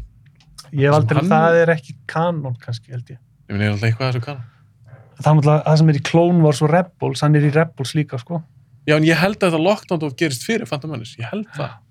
Þá er hann í einhverjum fangir, þetta er einhvern svona horror-rithöndur sem skrifa eitthvað bók um Darth Maul í fangir eða eitthvað. Hafið heyrt um þetta? Nei, nei, ég hef ekki skoðað, sko ég er svona bara að veita þetta, þú veist, frá Phantom Menace og Mm í Rebels, þú veist ég veit að þeir gerðu Hvað- einhverja, það voru svona fanmade Darth Maul stuttmynd -hmm. sem er bara á YouTube held ég sko. Þá eru einhverjir nokkrir Jedi sem er sendir til að drepa hann. Þetta er bara svona lightsaber runga eiginlega sko. En það er ekki ekki það. Lightsaber rung, er bjóð. Helvið þú það er er. alltaf að gera leik með hann minnsni, sko Með Maul. já, sem var svona eins og þarna Force Unleashed leikurinn er til efni eða það er að skoða á YouTube Já, sko. já, já, býtu, ég held ég að séð eitthvað úr þessu. Þeir voru eitthvað að byrja þar á hann. já, já, hann var komin bara langt sko. Ég ég að sé bara eitthvað footage úr þessum leik. það er til Og hvað, slútur þú svo bara? já, þeir ættu það, ég veit ekki En því Darth Maul var svo mikið fan favorite.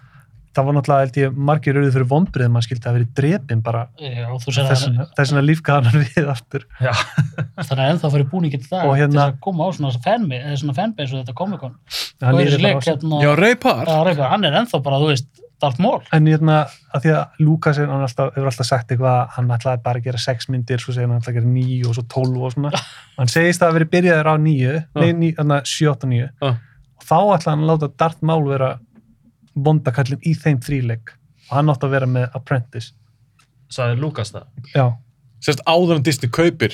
já, ég held að hann hefði látið Disney hafa þessi, úst, handrit eða drafts af þessu. Já, þessar hugmyndir fyrir 79 Já. og í, í þeim voru að, að Darth Maul þið vondakall. Já, en þeir vildi ekki nota hans út af þeir voru hættur við prequel Disney. Jésús, við geta fengið eitthvað geðvikt. Var Disney ekki komið rétt inn á þessu þegar Solo kom út? Jú, Jú. Þeir eru meðan þar, sko. Ég meina, Ég vil bara sjá meira með hann, sko. Það vantar fram allt þar. Veist, þessu Hann var fín einn, svo hann var bara til þess að sína geislasverð. já, Þú veist, hann kveikt á geislasverð Já. til hvers. einn heima hjá sér eitthvað. Er. Þú verður að koma til mín. Þetta er saman sem með Palpatine þegar hann kemur. Þetta er svona fanrung. Já, Fá Palpatine hann inn. Já, ég skæði okkur. Já, ég skæði okkur svo Darth Maul. En ég er svo segir, ef við myndum fá Solo 2, þá verður Darth Maul að vera í. Og hún hann kannski... getur ekki verið í það því að Solo segir, veist, í New Hope, þú veist, þá veit hann eiginlega ekkert um Jedi eða Sith, hann hittir aldrei Darth Maul í myndinni, sko. Nei, það er hann að Kira sem að, Það þyrfti að vera bara eitthvað svona hún kýra eða eitthvað, það veist, eiginlega að vera bara að saga um hann tvö. þetta er náttúrulega eitthvað svona, hann er eitthvað head of eitthvað svona glæpa syndicate Darth Maul, Já, hérna redd. það er það að vera eitthvað um það bara sko, Já, En kláruðu þeir ekki söguna hans í Rebels? Darth Maul, Já. Á ég að spoila því? Já. Já, hann, Okkur öllum dröld. hann er náttúrulega bara obsessed, hann verður að finna Obi-Wan Kenobi þegar hann ætlar að drepa hann. Já.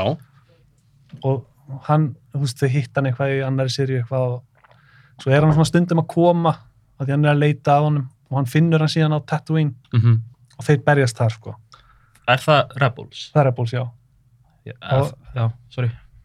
Og Obi-Wan drepur hann bara, þú veist, strax Aha, bara hann. Já, því að sko Darth Maul er ennþá bara sko consumed by hate, Já. þú veist, hann hefur raun ekkert lært frá því hann barðist við Obi-Wan fyrir, þú veist, 20 árum og Obi-Wan veit alveg hvað hann er að fara að gera og hann gerir sama múfið og hann gerði þegar hann drap Qui-Gon en Obi-Wan veit bara að hann er að fara að gera það og hann drepar hann bara strax Áhugavert. Ég er að sá á TikTok. Þá erum við að tala um þetta atriði. Og margir eitthvað, ég vil fá mól aftur, ég vil fá mól aftur. En þá var margir sem sögðu, en þá ertu henni að drulla svo mikið yfir henni loka atriði í Rebels, sem Ja. sagt loka atriði fyrir Darth Maul. Þannig að margir að segja bara, nei, látum bara kitt líka. Það er sagan hans er bara búin. Mér finnst það mjög flott að hann skildi deyja bara svona, þú veist, það varði ekkert eitthvað fimm mínútna atriði í þættinum Þetta var ekki einhver svaka light sem ég fæ. Nei, nei, ekki neitt er þetta ekki bara hann tjartsar á hann og ég var bara eitthvað klassast svona tvísvar og svo bara drepur Obi-Wan hann En hversu öflugur er Obi-Wan? hann er náttúrulega frekar öflugur sko, hann náttúrulega grillaði Anakin En, hann sá, sá eða um það sjálfur já, það sagði það svolítið sjálfur. hann, þetta atrið hann þegar hann hoppar yfir hann fylgist með, hann veit alveg að hann er að fara að tapja sig og hann bara, já, nei, svo bara en verðið þið þá pyrraðir að ef Obi-Wan er frá að hitta þessa, þessa Inquisitors í kjöldisýrinni menn ætti hann ekki bara að rústa þeim? Ég, hann gæti verið sko bara einhvern veginn búin að úst, úst, aftengja sig hann er alltaf í reiðgaður. alltaf, hann er alltaf bara með byssur í trailerinu Hefur ekki bara gett það saman lúk, bara hann er bara svo forsinu jú, bara. hann er að gera svona eins og Já. Last Jedi held, þú veist, ég gæti alveg trúið einhverju svipa sko. en sjá hann kannski reyðgæður Já, svo er líka Já. þú spurðu hvað það sé að taka Boba Fett rúka að vera með byssu bara svona vestra. Nei, nei, nei, nei, en hann mun berjast við veitir í þáttunum ég held sko. að það veri svona þriði, fjórði þáttur, fymti þáttur eða loka þáttur. með, Það er svona seint með barða með veitir. það er náttúrulega í lokin Já, sko, ég held að það komi, ég vona að það komi ekki með þetta bara öðru þetta og klára þetta og svo bara, ah, en berst er ekki tvísar í seríunni já, var eitthvað búin að lesa það? ekki hvort það sé eitthvað nei, það ég vil fá það, ég vil fá það Já, að tóka þetta algjörlega. Annar, annar þáttur Flestir, sem já. þetta Já, ég veit bara, geislasverð. En því ég las á netinu að þeir sem að þekkit alveg bara þvílít, þetta Inquisitor stótt sem að kom í, voru þeir ekki fyrst í Rebels jú. að veitir til er miklu öflunum þeir. Já, já, og Obi-Wan ætti henni bara að stúta þeim og fólk er svona að tala um eitthvað og það er glada ef að hann er að fara að eiga eitthvað miklum erfileikum með eitthvað þessi Inquisitors. En kannski ef hann er reykaður hann er náttúrulega rosalega broken. Hann hefur sagt, jú, með Gregor að, Obi-Wan er mjög broken á þessum þegar við hittum hann. Mm -hmm.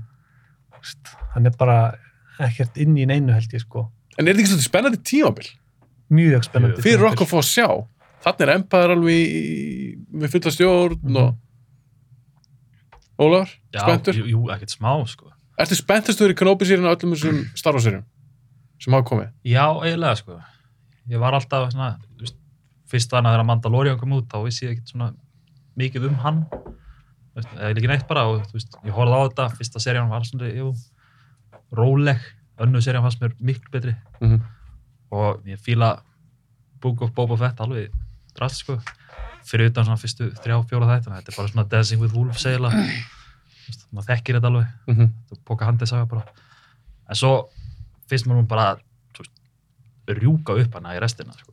þú veist, þegar Þegar Mando kemur. Mand- Mando kemur og þú veist, maður fær að sjá Luke aftur og Ahsoka Tano þú veist, ég elska Ahsoka Tano í, eins og hérna Clone Wars. Mm -hmm. hún er ekki góð í myndinni. Ég var hann ekki svona krakkalega í myndinni, jú, en hún er rastnaleg í Clone myndinni. já, það var ekki góð mynd þannig sé sko. En- Eru þið ekki þættinni miklu betri? Er, jú, jú, þeir eru fínir, þeir eru mjög góðir sko. Mjög flottir sko. Þú veist, þeir hefðu brek, þú veist, þetta var bara eitthvað þeir voru bara með einhverja þryggja þátt að örk sem þeim fannst að sniðu þetta að setja í bíó áður en að þækni veist. en það var gott fyrir það því að þeir gáttu lagað að sóka í eftir, Já, í þáttunum. Já. En þröstu, Mandalorian, ég var að spyrja til það. Já. Fílaði þetta? Já, ég fíla, ég fíla náttúrulega vestra á þetta. Svo náttúrulega er ekkert svalari heldur en búningur. Og þetta er, svo er líka, sko, þú veist, það sem heitlaði mig mest við þetta, sko, ég fíla Mandalorian, svo þegar hann fekk sérst Black Saber, Dark misti ég þvag, já, Dark Saber, þá misti ég þvag. Þetta var bara geðvig. Svo náttúrulega annar sér skers í löppuna, ég bara, ok, þetta er þessi vantar í Star Wars. Mhm. Einhver slasi svo geislasverði. Já, hann náttúrulega kunni ekkert á þetta. Ekki neitt. það var mjög flott sko Það var geggja, sko. Það sýnir líka þess að, þú veist, að hann vill reyna að nota þetta, Já, en það er eins og hann segir, þú veist, þetta er hugurinn sem stjórnar þessu. og hann er að stjórna með kraftinu. Já. það eru líka álögu eitthvað á sverðinu sko Já. Já. En Mandalorian loka atriðin í serju 2 þegar að maður sér bara X-Wingi koma þá var ég bara hana, hana. Ó, já. það var samtláð R2 í flöginni Já, ég, bara, ég vissi að Luke væri að fara að koma þarna sko, og svo bara þegar hurðin opnast og svo bara grænt sverð og svo bara vera að slátra hérna þetta var svona eins og veitaratrið í Rogue One. Eiginlega sko, Já. mér fannst það ógæðslega flott maður og svo flott kynning á Luke inn í þetta sko, ég veist, þó er að hafa verið að nota deepfake og allt þetta sko, Það breyti einhver fyrir mig. næ, ég var alveg til í þetta sko. þarna væri líka make alveg sens að nota Luke Skywalker Algjörlega. þú veist, Ég meina þegar þættin gerast á þessu tímabili já, og hann er náttúrulega máttuðast að vera hann í vetrabrautinni Mhm. þetta ætti hann að koma Já. En hvort ættu þeir, að þið- þeir eru aðeins búin að setja meira í seriðnar, eiga að halda áfram að deepfake-ana eiga að ríkasta, eða er alltaf að nota eitthvað meira? Ég hef reynd að sé hérna Sebastian Stan sem Luke Skywalker, hann er eiginlega bara alveg eins og Mark Hamill þegar hann var ungur, sko. Þeir eru alveg fárunlega líkir. Alveg bara magnað, sko. Þeir gætu alveg kasta Sebastian Stan bara og fólk myndu svona valla að taka eftir því, sko. Já, þetta er svona 1-2 þáttu þá bara búin að glemja þessu. Mm Já. Eiríkur, ég viltu deepfake? vil halda áfram með þetta deepfake mér varst hann svo, það var svo ótrúlega mikill munar á Mandalorian þættinum Já. og Boba Fett þættinum það var bara eins og það væri Mark Hamill, það var þetta er kannski svona aðeins skvítin, hann náttúrulega er á staðnum og tala fyrir hann sko. Já, ég horfði um þetta making of á Disney Plus, þú er búin að sjá það vendilega. eitthvað svona, ég er bara þetta með Luke Skywalker það sér maður með sko hvað Mark Hamill finnst þetta gaman, en svo þegar maður sér með Last Jedi hann var ekki hamingisamur þar Hann nefndi því ekki. En það er áhört að horfa á þetta, að því að Mark Hamill er á sveðinu, hann leikur atriðin, Mhm. en svo fáið líka ungan gæja til þess að leika atriðin, og svo deepfakear andlitið á Mark Hamill á hann. Já. með þess að Svolítið töff. svínvirka sko Að því þá, þá virkar það trúleira, eða svona, þú kaupir það frekar, heldur en þess að gerði í The Irishman.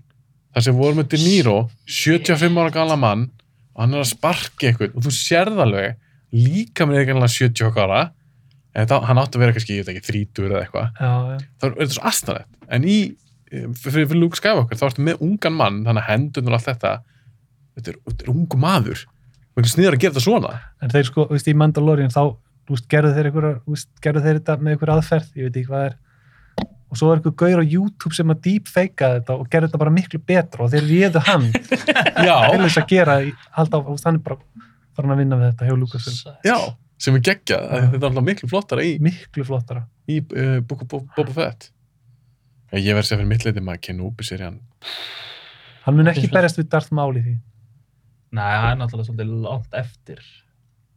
Það er bestu mál þegar hann er orðinn Nei. það var eru að tala um bara að hann verði eitthvað en hann mun ekki vera en var ekki líka þegar Obi-Wan drepa mól í Rebels hann ekki gammal maður Jú, en þú veist að, það var sem við talaðum að mál kom í þessari séri en þú veist það mun ekki gerast að því að það er ekki að því að mál sé döður sko, að því að mál er, er að leita á honum bara í 20 ára eða eitthvað sko. en hefði verið sniðut fyrir Obi-Wan að breyta eftir hann ekki bara að- ég var að er hugsa- að um þetta þegar það var gert gríðans í Family Guy. Það var eitthvað svona Obi-Wan Kenobi, I wonder if he means Obi-Wan Kenobi. Ben- Ben Kenobi. Já, hann segir bara, hann heitir ekki Ben Kenobi í Family, Guy, hann heitir bara Obi-Wan Kenobi. Er þetta ekki pínu farlegt Jú, jú, það er ógeðslega einskulega Þannig sem er súpum með klirun. Það ekki er hann enginn þegar að setja á sig glýru. Nákvæmlega. við bara verðum, að- við bara kaupum þetta Þetta er bara bíómyndur og þætti þú bara átt að eiga þetta. en ef að þú er veitir, þú voru að leita Obi-Wan Fyrsta sem myndi gera var að fara á Tatooine. Mér myndur ekki að það ef þú myndir samt. heyra af Ben Kenobi, myndur ekki tjekka á hann? Nei, alls ekki. Þetta Þetta er ekki, eitthvað. bróður eða frendi.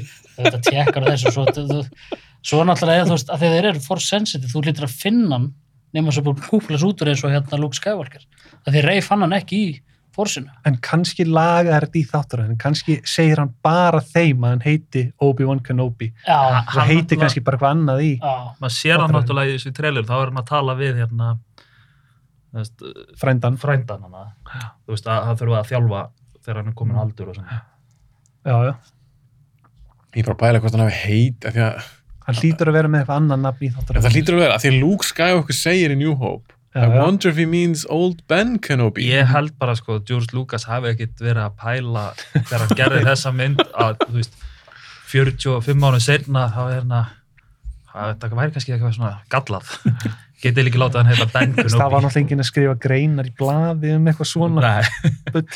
En er þeir ekki svolítið svona, er þeir mikið stilt upp við vegg? Þeir verða, bara eitthvað, fuck, hann hétt hérna, hvernig er við að gera þetta? Hann, þegar hann leita á honum, en, þú veist, það hlýtur eins og þú segir, eitthvað, hann heitir bara eitthvað, Já, já. John Johnson, Eitthvað eitthvað, ekki, hann getur ekki verið að sé með eftir með Kenobi og sé búin að segja bara, Nei, nei. öll, all, allur bæri myndi það bara. Nei, það kemur líka í hérna, eins og til þess að tala við Lars, frendans, þá er, þú veist, Old Ben Kenobi, þegar að Lars talaði þá við Luke Skywalker sem Ben Kenobi örugla, eins og segir, þá er hann kallar eitthvað annað í bæn. Það bara getur ekki hann að vera. En svo Það er hann kannski ekkert í bænum, kannski er hann bara í þessum helli, sko. Já, nákvæmlega, þú veist, hann er einn og vill vera einn, einokra sig. Hann Hann er er bara, Það er kannski það Jedi Way eins og Luke gerði, bara einokra sig. hann er náttúrulega í felum líka sko. hann er Já, samt hann sko já, að læra að líka, sko. Qui-Gon Jinn er að kenna honum. já, hann er þar. Hann verður í seríunni, sko. Heldur það? Liam Það er alveg sko. pottjætt. Liam Neeson. Liam Neeson er búin að segja hann fí- leiki ekki í sjónvastáttaröðum. Hann er oft leikið í sjónvastáttaröðum. Hann verður í, Já, þú meina heldur hann að segja þetta bara hann er núna, bara hann, að bulla. hann er bara eitthvað að fela það að hann hafi verið í þáttunum. Já, já, hann verður örglega í fyrsta hættinum, sko. Það er ekki þetta. Ó, ég vona það. Jóta sendir hann á Tatooine á að gera þetta, þú veist, hann lærir þú veist, ástæðan fyrir hann hverfur þegar hann drefst er að því að Qui-Gon kent honum þetta. Er það? Já, já. Nei, ég vissi ekki, ég ætlaði að spyrja út um það. Það er líka til, Obi-Wan sko- deyr, þá hverfur hann. Það er hérna Disney gáði einhverja bækur sem heitir eitthvað From a Certain Point of View. Ah, Það er einhverjum svona atbyrðir sem að gerast í myndunum bara frá okkur öðrum svona sjónurotni. Og það er eitt atrið í New Hope þegar Luke ætlar að fara heim og gáður sér í læg með frenda sín og frengu. já, þau eru döið þú veist, þá er maður ennþá með Obi-Wan þegar Luke er farinn og þá kemur Qui-Gon Force Ghost að tala við Obi. Obi-Wan Ok, þið getur leikst þess með það í Kenobi-sýrinni. já, já, held ég Ok, það verður geggja maður. Ég er nefnilega að elska Liam Neeson sem Qui-Gon. Ólar, þú ert ekki aðdáðandi. Jú, Það er hvað? jú, jú, jú. Nei, þú veist ekki. Þú var svo þög- þú var svo þögull að þú bara eitthvað, ég þól ekki Liam Neeson. Nei, nei, ég fíla nálega þessi leikar þannig að taka sér algjör rusl hún undan farið, sko. Hann er bara að leika í Taken 20 og Já, Taken 1 var alveg geðug. Hann hefði að hætta þar. Já, En svo, allan daginn, sko. svo kom alla myndi með honum, þetta er allt eins. Þetta er allt eins, sko. Allt Þetta er bara alltaf að segja, já, hörru, eh, tökum bara alveg veist, Gæðin sem að leika hann í Sinderslist, fara í eitthvað Walk Among the Tombstones eða eitthvað, hvað sem hann heitir hann að... Nei, það var hann mynd. sem að segja líka, ég ég sagði hann hann hafði sett í viðtalan, fílaði ekki að leiki hann að sjónvastáttum, Já. hann er í Clone Wars líka sko hann, Talar hann fyrir já, já? Er Ah, ok. Maður er að fá þvílið trivja þetta maður. Förum aðeins í orginamyndunar. Við erum ekki með að tala svona almenn um hvernig þið fílið þær og svona. New Hope. Þröstur, það er kannski þér ekkert að spyrja þig, þú fílar þetta allt. Sko, New Hope er Er þetta tíja? tíjan hjá mér. Nei, þetta er aftast á listanum mínum. Mér finnst þetta versta myndin af þeim þreymur.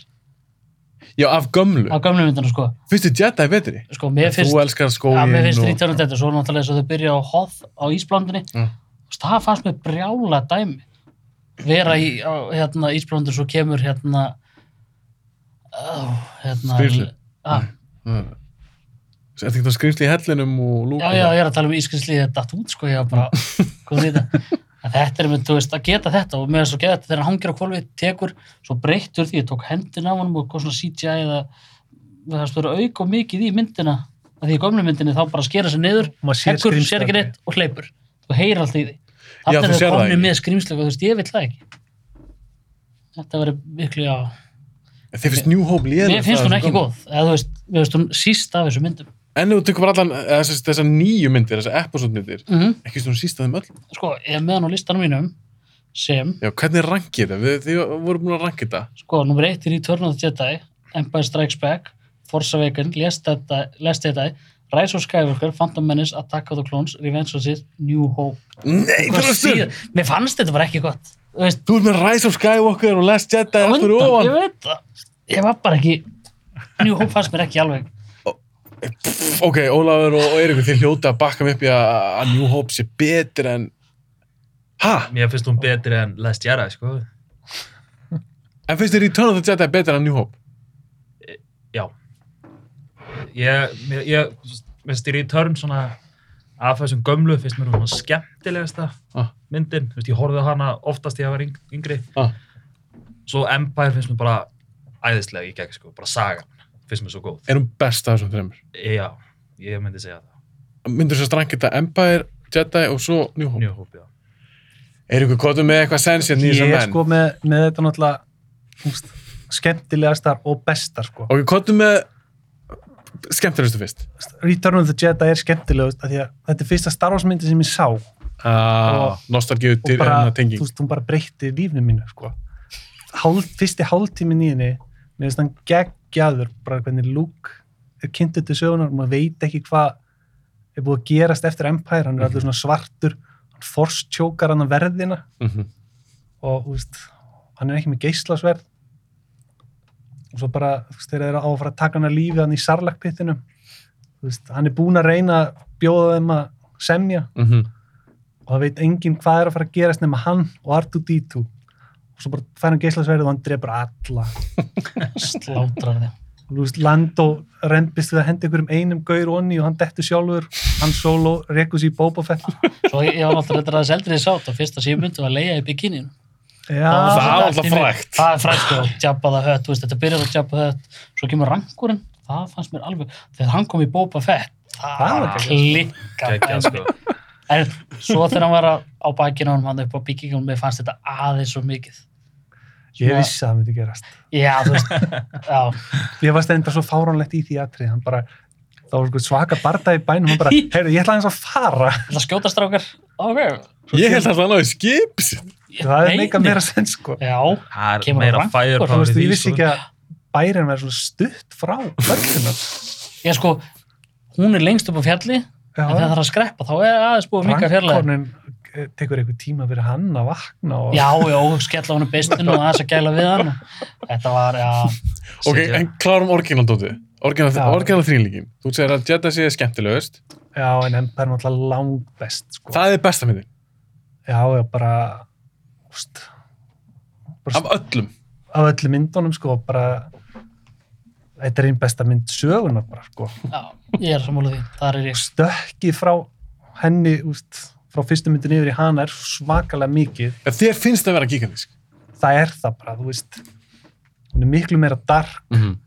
Darth Vader, hann er gerður af mann, mannesku, þú veist, í fyrstu þá heldur ekki að hann sé bara vélmenni, sko. Mm -hmm. Þannig bara einhver hundur tarkin.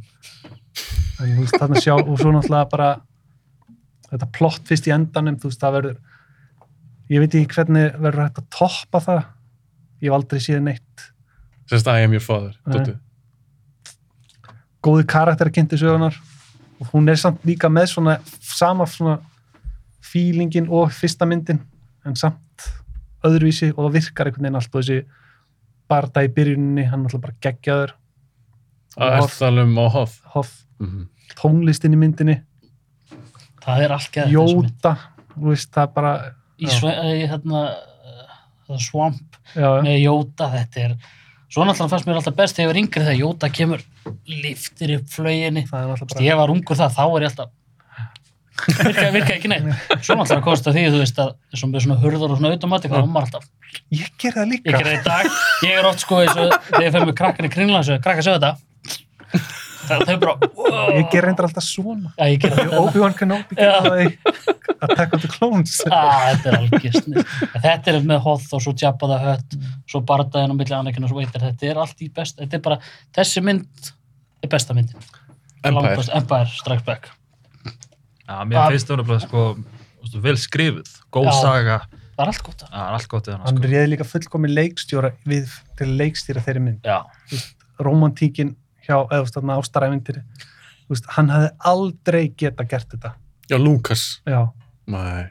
hann réði eitthvað gamlan kennara sinn sem að veist, Sem höndla þetta virðist vera, Já. virðist vera að hafa betur heldur en Lucas eða ekki. miklu betur sko Þannig við erum sammála Empire sem best myndi. Algjörlega. já, En besti þrýleikurinn er það ekki orginal. já, eh, Það er orginal. Einhver sem segir eitthvað annað veit ekki betur.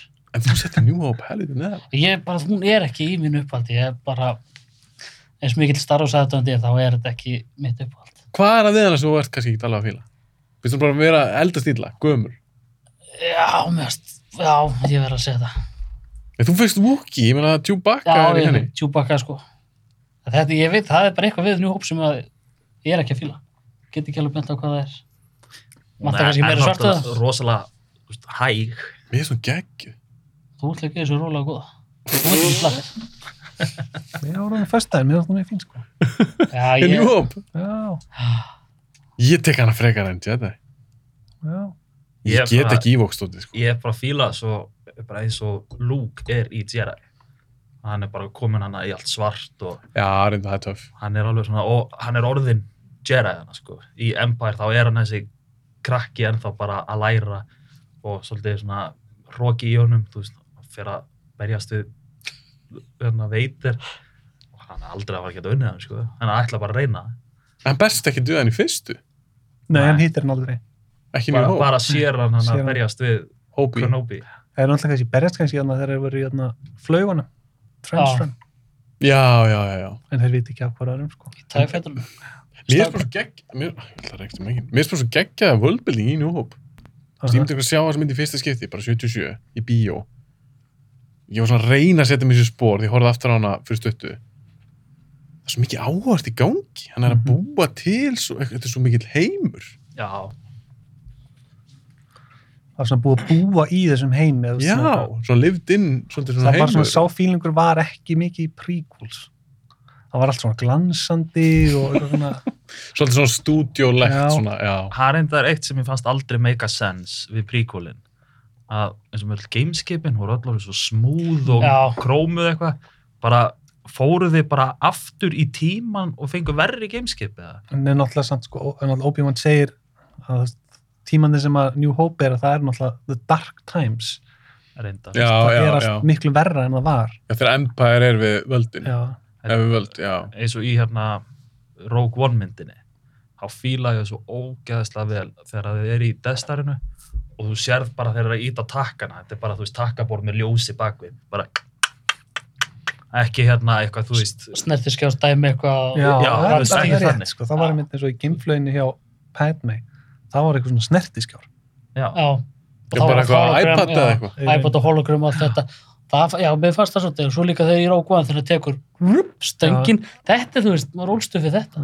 Veist, það, það er að sína það er, veist, þeir eru ekki að fara í nútíma tækni Já, þarna, þeir fóru bara í eins og í New Hope sko. já, það er ekki ekki. það fannst mér svo vel gert og alveg svo með hérna Force Awakens og þetta, þú veist, þú férst að sjá gömlu X-Wingin og allt þetta, sko, ekki hérna bara glænjar flugvilar eitthvað, allt orðið smúð aftur eitthvað. Já, Mér fannst aldrei svona, ekki hafa pælt í því þegar ég gá út príkólin að setja, þú veist, vorum að passa að hafa hérna gameskipin eins og þeir eru í kannski bara aðeins eldri típur af þessum X-Wings og þetta. Þeir voru með allt hérna reynd og smúð og króma eitthvað svo kemur hann að New Hope sem hann gerir svona alltaf eftir og þá er þetta allt orðið hérna kössótt og gammalt og eitthvað. Mér finnst líka gott að það voru með þarna Master Codemaster þegar hann var að ræna flöginu voru að sína sérst hverjum að vera að selja. Það seldi bæði X-Wings, AT&T og svo hérna, koma all gömlu tækin. já, Það fannst mér alveg meira þetta. já, En hver er liðast að Star Wars? Sannlega klón var teknimyndin sko. En ef við tölum bara live action. Ég veit, þú veist, Ég verð að fara í að Christmas special það er, Hvað sagði þú á það? Christmas special það er sennilega, mér finnst að vera Attack of the Clones. Ég, ég hef oftast spólað yfir á henni. Það er, þú veist, allt með Anakin og Padme, þeir eru ein, Spóla. spóla yfir. Ég bara skil ekki hvernig dætt í hug að senda hann með henni. Nei, sí, sí. Þannig, Óla, ertu sammála? Já. Attack of the Clones, en ég er ekki fullt af góðum atrið með henni. Jú, ég jú. með Obi-Wan, þarna detective storyð hans mjög skemmtilegt. Já, Django-dótið Já, og... Ég reyndar sko, ég myndi örgulega setja Last Jedi næðist. Finnst þið Rise of Skywalker betri? Mér, mér aðeins Rise of Skywalker alveg, þú veist, alls ekki, er fullt af göllum sko.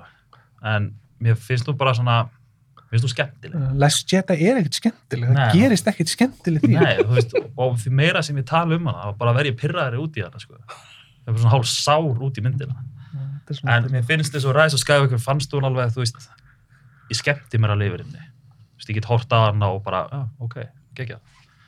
En þú veist, það er fullt af göllum hana eins og, þú veist, hún fær allt í eitthvað eldingar í puttan af því hún á að vera palpatín. Það var fullt af sittum sem gerði þetta undan, sko. Þetta er ekkert eitthvað hans dæmi bara. Men Já, svona, svona. Já, Svo líka eins og Ren, já, ég vildi sjá til innra, að hverju getur þetta hann ekki gert þetta? nákvæmlega, að þeirra skæðvolkar. T- Tölum aðeins um Ren. En Þetta er svolítið svona, þetta var að Sith þáttur. Ég veit hann er tæmlega ekki Sith. Hvernig voru að fíla hans í kartir? Kylo Ren, Eiríkur? Mér finnst hann geggjaður, sko. Og bara Adam Driver var náttúrulega bara langbestur í þessum myndum. Já, mér finnst líka gegga hvað hann var alltaf reyð, Já, já. þú veist, slátra hann að helvítist tölvuborður eftir að slæma Það var mjög á að geða þetta. Mér finnst líka gott að koma þetta, snúa Já, við. smjör- Hann var svo reyður ungum maður, þá er mitt, þú veist, þegar hann tók að sér í hjálminn, og svo fallið, svo Ég var að mynda í bílum. þá var alveg bara ah, ég hefði viljað sjá eitthvað svona En var ekki ekki, fallegan en var ekki bínu cool af því að hann alltaf elskar Hann var veitir. pull to the light dæmið. Veist, hann vill vera veitir, en light sæt er alltaf tóa hann til sín, sko. já. líka eins og sagði hann þarna, veist, ég veit ekki hvernig ég á að vera eins og þú og er með hjálminn að tala, Mhm. alltaf að tala við veitir hjálminn ég skil ekki okkur, þú veist, okkur kom ekki Anakin talaði við hann sem það fórs Sem er Hann idolæsar ekki Anakin, hann idolæsar... nei, vei, já, veitir sig, ég kallar það Darth Vader getur ekki verið Force Ghost. já, ok, það Er er bara- getur ekki verið Force Ghost. Nú, hann kemur sem Forghost, Forghost Þá er hann er náttúrulega komin yfir í ljósið aftur Já. eftir Jedi sko. Já, þú, getur ekki verið Ghost eða. Nei. Veistu eitthvað af hverju? Uh, það er bara eitthvað, þú veist, Þetta er eitthvað svona Jedi ability. já, það geti ekkert allir Jedi þetta, að, þú veist, Við fannst að læra þetta. Qui-Gon þurfti að læra þetta eftir hann dauður, sko, hann kennir Jóta og Obi-Wan þetta. Þess vegna er svolítið skrítið að Anakin sé Force Ghost af því að hver kendi honum þetta. já, Já, Það ekki er kannski að því að hann er chosen one eða eitthvað. En nú eru Siths með svolítið svona öðruvísi Force krafta versus Jedis. já, það er því þeir skoða meira í ég fara dýbra í það að því Jedi er náttúrulega bara, þú veist tilfinningar og heiðarleiki og, þú veist, eitthvað svona bull, en Sithið er sem sagt, þú veist, endur ekki að líf og lækna og, þú veist, svo miklu meira það þeim ég held að það var Jedi. Force healing. ég held það nefnilega, þá getið fór að Það lesa er um þetta Jedi, sko. Er það ekki? Þannig að Sith er held ég ekki með Force healing, þeir eru með svona að þeir geta life drain. já, og geta gefið líf Qui-Gon Palpatine gerir það náttúrulega í Rise of Skywalker, hann Já. dreina li- úr þeim Gjör henni lífið. lífið til þess að endur byggja Já. sig endur byggja síðan að Líka bara sem með þetta uh, Force lightning. Er ekki Jedi bara geta það ekki. Nei, Sith eru bara með það. Já. Og svo er líka talað með eins og í Darth Bane bókinni. mm. Darsana, hún er Sith Sorceress. Já, hún er svo. Þú veist, Það- Sith það Sorcery, þeir hafa ekkert kannað það alveg. það finnst mér svo geggja við þessa bækur sko. hún er hérna, hún getur bara rugglaði hausnum að þér sko. Já. hún er þar ógíslega góðið að skilmast alltaf að bein náttúrulega er að berja á hana með sverði og hann kennir henni sko, að því hún er svo lítil Mm -hmm. þá kennir hann henni frekar að íta frá sér, ekki að taka en svo er hann með þetta, þú veist sorceress, þannig að hún getur þú veist, hún er miklu meira svona cunning og því hún ég fílaði hana svo mikið, það er lákast að sjá einmitt, eins og hana líka í sögu svona. Það sem mér finnst eitthvað svo áhört við það, við komum aðeins inn á það, þetta er Rule of Two. Af Því að Darth Bane kemur aftur með það. Þú ert búin að lesa þessar bækur, það ekki? Jó, eða svona hlusta aðeins að það, sko. Já, ok. En hann kemur, já, hann kemur aftur með þetta Rule of Two, það sem eigin bara að vera tveir sið. Það reyndar ekki, kemur ekki með aftur. En hann kemur það aftur. Þetta var eitthvað í Þetta gamla var, daga. já, þetta var orðið bara, þú veist, Sith her á móti Jedi sko. En þeir voru aldrei komin með neitt sem að hétt Rule of Two, það var bara var ekki Revan eða eitthvað sem að sagði honum bara þú veist, þeir þyrftu að vera meir í skugganum og fela sig sko og hann býr að- til þetta konsept Mér minnir að í bókinu þá hafa hann farið í sem sagt, hérna, gröfuna hjá Revan já, hann gerir það Já, fundið það og þar er að tala um sko það til að verða alvöru Sith þá er bara eitt Sith og einn apprentice. Eitthvað one to Want to crave the power, eitthvað, want to embody the power, Want Já, want to crave it. want to crave it. Og þá er að þú veist að það geti ekki verið alvöru Sith þar ef þú ert bara með eitthvað svona her af þessu. En þeir eru samt sko búin að vera hér í bara, þú veist, 3000 ári eða eitthvað sko. Já, Sithanir. já, Já. og Darth Bane náttúrulega tekur bara alla þessa Sitha og bara svona Mhm. úr umferð Já, það sem hann tala líka um, það er kannski mikild að það komið fram, að það sem hann tala líka um, Bane, er að það sem var að gerast, voru að Sithanir voru að berja svo mikið Mhm. innbyrðis. Það er alltaf svo mikið, það er mikið sjúkir í þeim. þeir eru sjúkir í völd Sjúkir í völd. Og það sem var vist að gerast er að þú varst kannski með einn öflugan Sith, en það voru nokkur sem voru ekki eins öflugir sem gátu svolítið svona gang up og slátra þessum öfluga. Já. Þannig að þeir hugsa með sér að bet, eða hann, Bane, betra að vera bara tveir, það sem er einn öflugur, svo er einn apprentice, Mhm. svo þarf apprentice til þess að vera nóg öflugan, þá var hann að skora mistarna hólm og ef apprentice vinnur, þá er hann klálega öfluri, þannig að Sith línan eða Sith, hvað það kallast í íslensku, bara bara leggurinn.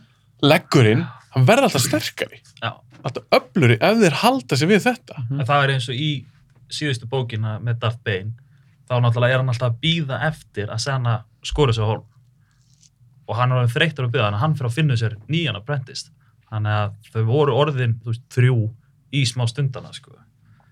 að hann, hann heldur alltaf að hún sé bara að býða eftir að hann verði gamall kall og degi bara Já, og þá finnst, honum finnst hún þá ekki vera þess verðu nei, ekki til að taka við. Sith Lord titlunum ef hún bara býði þetta, hann myndi bara en hún var alltaf að skipuleggja að fara að ráðast á hann sko.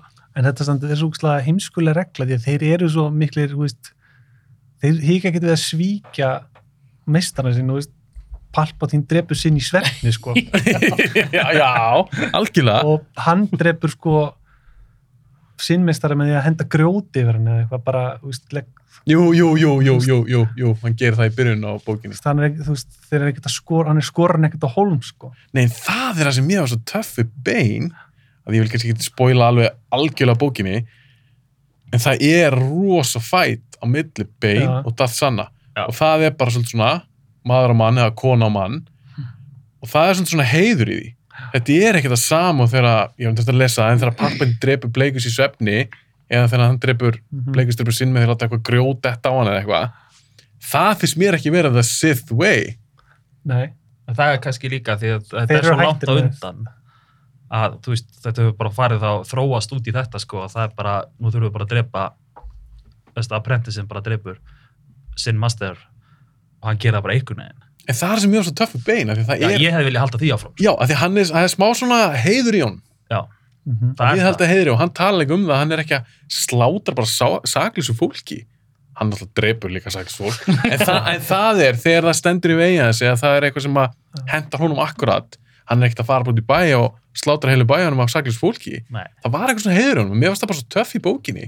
Að því svo verðist það gleymast þúsund áru setna eða eitthvað Palpatine mitt eitthvað ég er spenntur að lesa það samt dreipur bleikus bara eitthvað svefni og -hmm. Svo Palpatine er bara með, veist, hann er bara svona stjórnmála drullasokkur. já, einmitt, bara bara pólitíkus Já, fá hérna herin til þess að ráðast inn og hérna Padme og, veist, þetta er vantar svona einmitt geislasverðin í þetta. Og eins og segir, drepur henni svefnu og hinn hendi grjóta er heiðurinn í því? það er engin heilu, Engin. frekar skora brá Heru, nú, Já. ætla ég, bara skora, ég er hún öflur þú ég vil bara skora þig þannig leggur hún að degi út. Það sem eru öflur, öfluri. Þannig er bara, já, ok, ég ætla að drepa henni svefni. Einmitt. Þannig en mingar þeir voru línan. samt báðir sko Pleikus og The Sidious komnir á það að hætta þessu þeir ætluðu bara að vera eilífur Já, Já, eins og þeir segir, tveir. já, þeir tveir, bara láta það hann að lifa lengur. já, Hann er ekki viljað það Palpatine. nei En svo hann náttúrulega- ætla bara að lifa eilífur einn Já, en svo náttúrulega kom það í þegar hann tók hérna Life Force-ið af Ben og Rey. Þá sáum það að ég get lifað eilu. Já. Þetta hérna, heit það? Unity Force. Dyad Dyad, já, Force. in the Force. já, diet in the Hann force ætlar að fokka þið sjálfur, hann tengdi brúnna á milli þeirra, hausinn. mm já, í, í sequels Já, hann er kannski verið gamall og ekki séð alveg nóg vel í framtíðina. en mér fannst þetta bara svo töff, ég veit þetta er þúsund árum áður en að myndin eru en mér fannst þetta svo töff svona viðhorf hjá Já, Bane. Já, Hann var grjót harður maður. ég, þú veist, þetta er bara, þetta er bara uppáhaldskarakter með ný Star Wars Líka sögur. minn. Hann er svo ógæðslega stór og mikill. Og það er hann bara í byrjun á setni bókinni. Það sem að hann fer inn á bara svona campsite sem eru bara einhverju, þú veist, mercenaries. Og hann er bara að slátra þeim. Bara með að hlaupa yfir þá líka, sko. Mér er svo gott í þér bók hann mikil svona grafræningi. Já, Hann er alltaf að fara í ykkur tombs. Hann að leita Sith Holocrons. já, hann er alltaf, Já, hann bara, finnst hann vil fá bara eins mikið knowledge sem hann getur, sko. En sá sem að skrifa þessar bækur, hann gerir líka söguna í Knights of the Old Republic Einmitt. og Revan bækunar, eða bókina. Þessi Drew já. Mér finnst þetta geggjað. Þú, þröstur, að ég er að fara dætt í þetta, ég þarf að fara að lista þegar það er fyrir út að sjó og bara ná mér í bækur. hann var svo gaman að sjá þessa hliða því við höfum ekkert fengið að sjá þetta í bíómyndunum. Nei, ekki neitt. Það sem aðal kartin er Sith. Já, þú veist, þetta er bara Luke Skywalker. Það, þú veist, ef þú segir Star Wars, já, Luke Skywalker. Þá mynd vantar einmitt eins og bein og þetta, þetta heiðurinn, þetta er eins og Mandalorian. Þú veist, this is the way. Tekur Mhm. ekki að hjálminu og svona alls konar meðast það geggjað. Já, Og eins og með Tuscan Raiders, það er alltaf heiðurinn og veist, þetta. Eins og með Palpatine, þú veist, þetta er svo mikið drullu sokk. bara já, þú voru að drepa pappa og drepa svona þinn, þetta er, er skít. ég er enda, sko, svo talum hann með Kylo Ren, sko. Ég fíla hann ógæðislega mikið sem karakter. Það er svo bara í Force Awakens, hvernig þú kynnist honum í byrjun, þegar Poe skýtur á hann og hann bara stoppar það, svo er hann dregin í burtu og þú sér bara geistlan bara, Já. Er bara frosin loftinu. Já. Já, hann fer ekki fyrir hann fer. já, svo þegar hann er fer þá bara og þú veist, ég þoldi ekki hvernig Ryan Johnson skrifaði hann, sko nema hana í restina, ég fílaði hvernig þú veist, hann er búin að drepa pappa sinn af því að það er alltaf ljósið að tóki hann, sko Mhm. og hann vill ver- verða svo vondur svo í hérna í restina á Last Jedi þegar hann sér Luke Ah. og bara fire everything og bara verður svo brjála Já, og svo já, reyður og ég hefði líka alltaf í Rise of Skywalker það hefði ég aldrei viljað sjá hann redeema sig. Ég hefði bara viljað sjá hann fara lengra yfir í Það Darkseid er sko. Ég held nefnilega þegar Force Awakens endar, þess vegna var ég svo spenntur í Last Jedi, ég held einhvern veginn að þegar hann drepur hann solo, að það er þið bara okkur, þetta er mómentið þar sem að hann mun aldrei geta redeema sig, og núna verður hann bara full blown villain. Já, ég Af því að veit er redeema sig náttúrulega í Jedi, ég var að vonir færi með Kylo Ren í hináttina. Og en satt svo skrítið að segja að hann gæti ekki rýdíma sig að því hann drap hann solo en veit er nær rýdíma sig hann sko, er alltaf að drepa börn já, og hunda og eitthvað já, hann hann var stúta öll. Alltaf að drepa. Já, sko, í Attack of the Clones og drepur hann að Raiders Já, börnin segir Pat með það, þau eru ekki eins og byrjuð saman Mhm. svo byrjaðu saman í endanum svo einu með þrjú, þá drepur hann hinn, hinn börnin Younglings. Ah. og- sko. Obi-Wan segir Pat með hann, hún, hann hafi séð hann drepa börn á vídjói og hún trúir því ekki samt er hann búin að viðurkenna fyrir henni að hafa gert það sko Svo, it's easy Ok, það er góða punktur, Eiríkur. En þú fattar hvað við, það hefur verið gaman kannski einhvern veginn já, farið já. með hann í aðra átt. ég vildi ekki að hann myndi vera góður sko Nei, Nei. Æ, ég, ég, vildi að reyja þið vond með sko. Ég, lí- ég hef verið til í það. ég reynda sko, ég fílaði atrið í ræst þegar hún sér hann að dark útgáfuna sjálfu sér sko. Geðveikt. fyrir utan sko. pennunar hann að þessu Ah, já.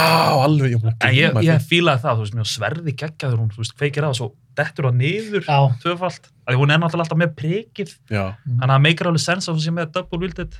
Ég sá um þetta eitthvað svona concept art sem að Colin er vist búin að verifæja, að staðfesta að þetta sé að ekta. Þá er hún með double-sided Mhm. blátt. Já, ég, ég hef séð það, sko. Það meikar svo mikið sens fyrir karakterin, hún var alltaf með þetta prigg. Já, það meikar fullkomin sens að hún væri með tvöfalt. En nei, hún breyti síðan í lightsaber í endan með þeirri mynd príkinu já, maður sér að blár og grænt litur fyrst. Nei, var þetta ekki gulur? Jú, svo breytist verði í guld, sko. Sér þarna alveg í byrjun og kemur svona blár og græn. En fyrir hvað var hann að kveiki sverði? Akkur hann að kveiki sverði? bara svona eins og Eins og. Já. Það er svona svo fyndið í lokin. Hún hittir fyrir gamla konungstur. Hún er bara eitthvað ráðað um. What's your name? Ray. Ray Skywalker. Já, ég hef aldrei Varst að það? svo, ég er ekki sko Ég hef aldrei farið þess að leiði með þetta, sko.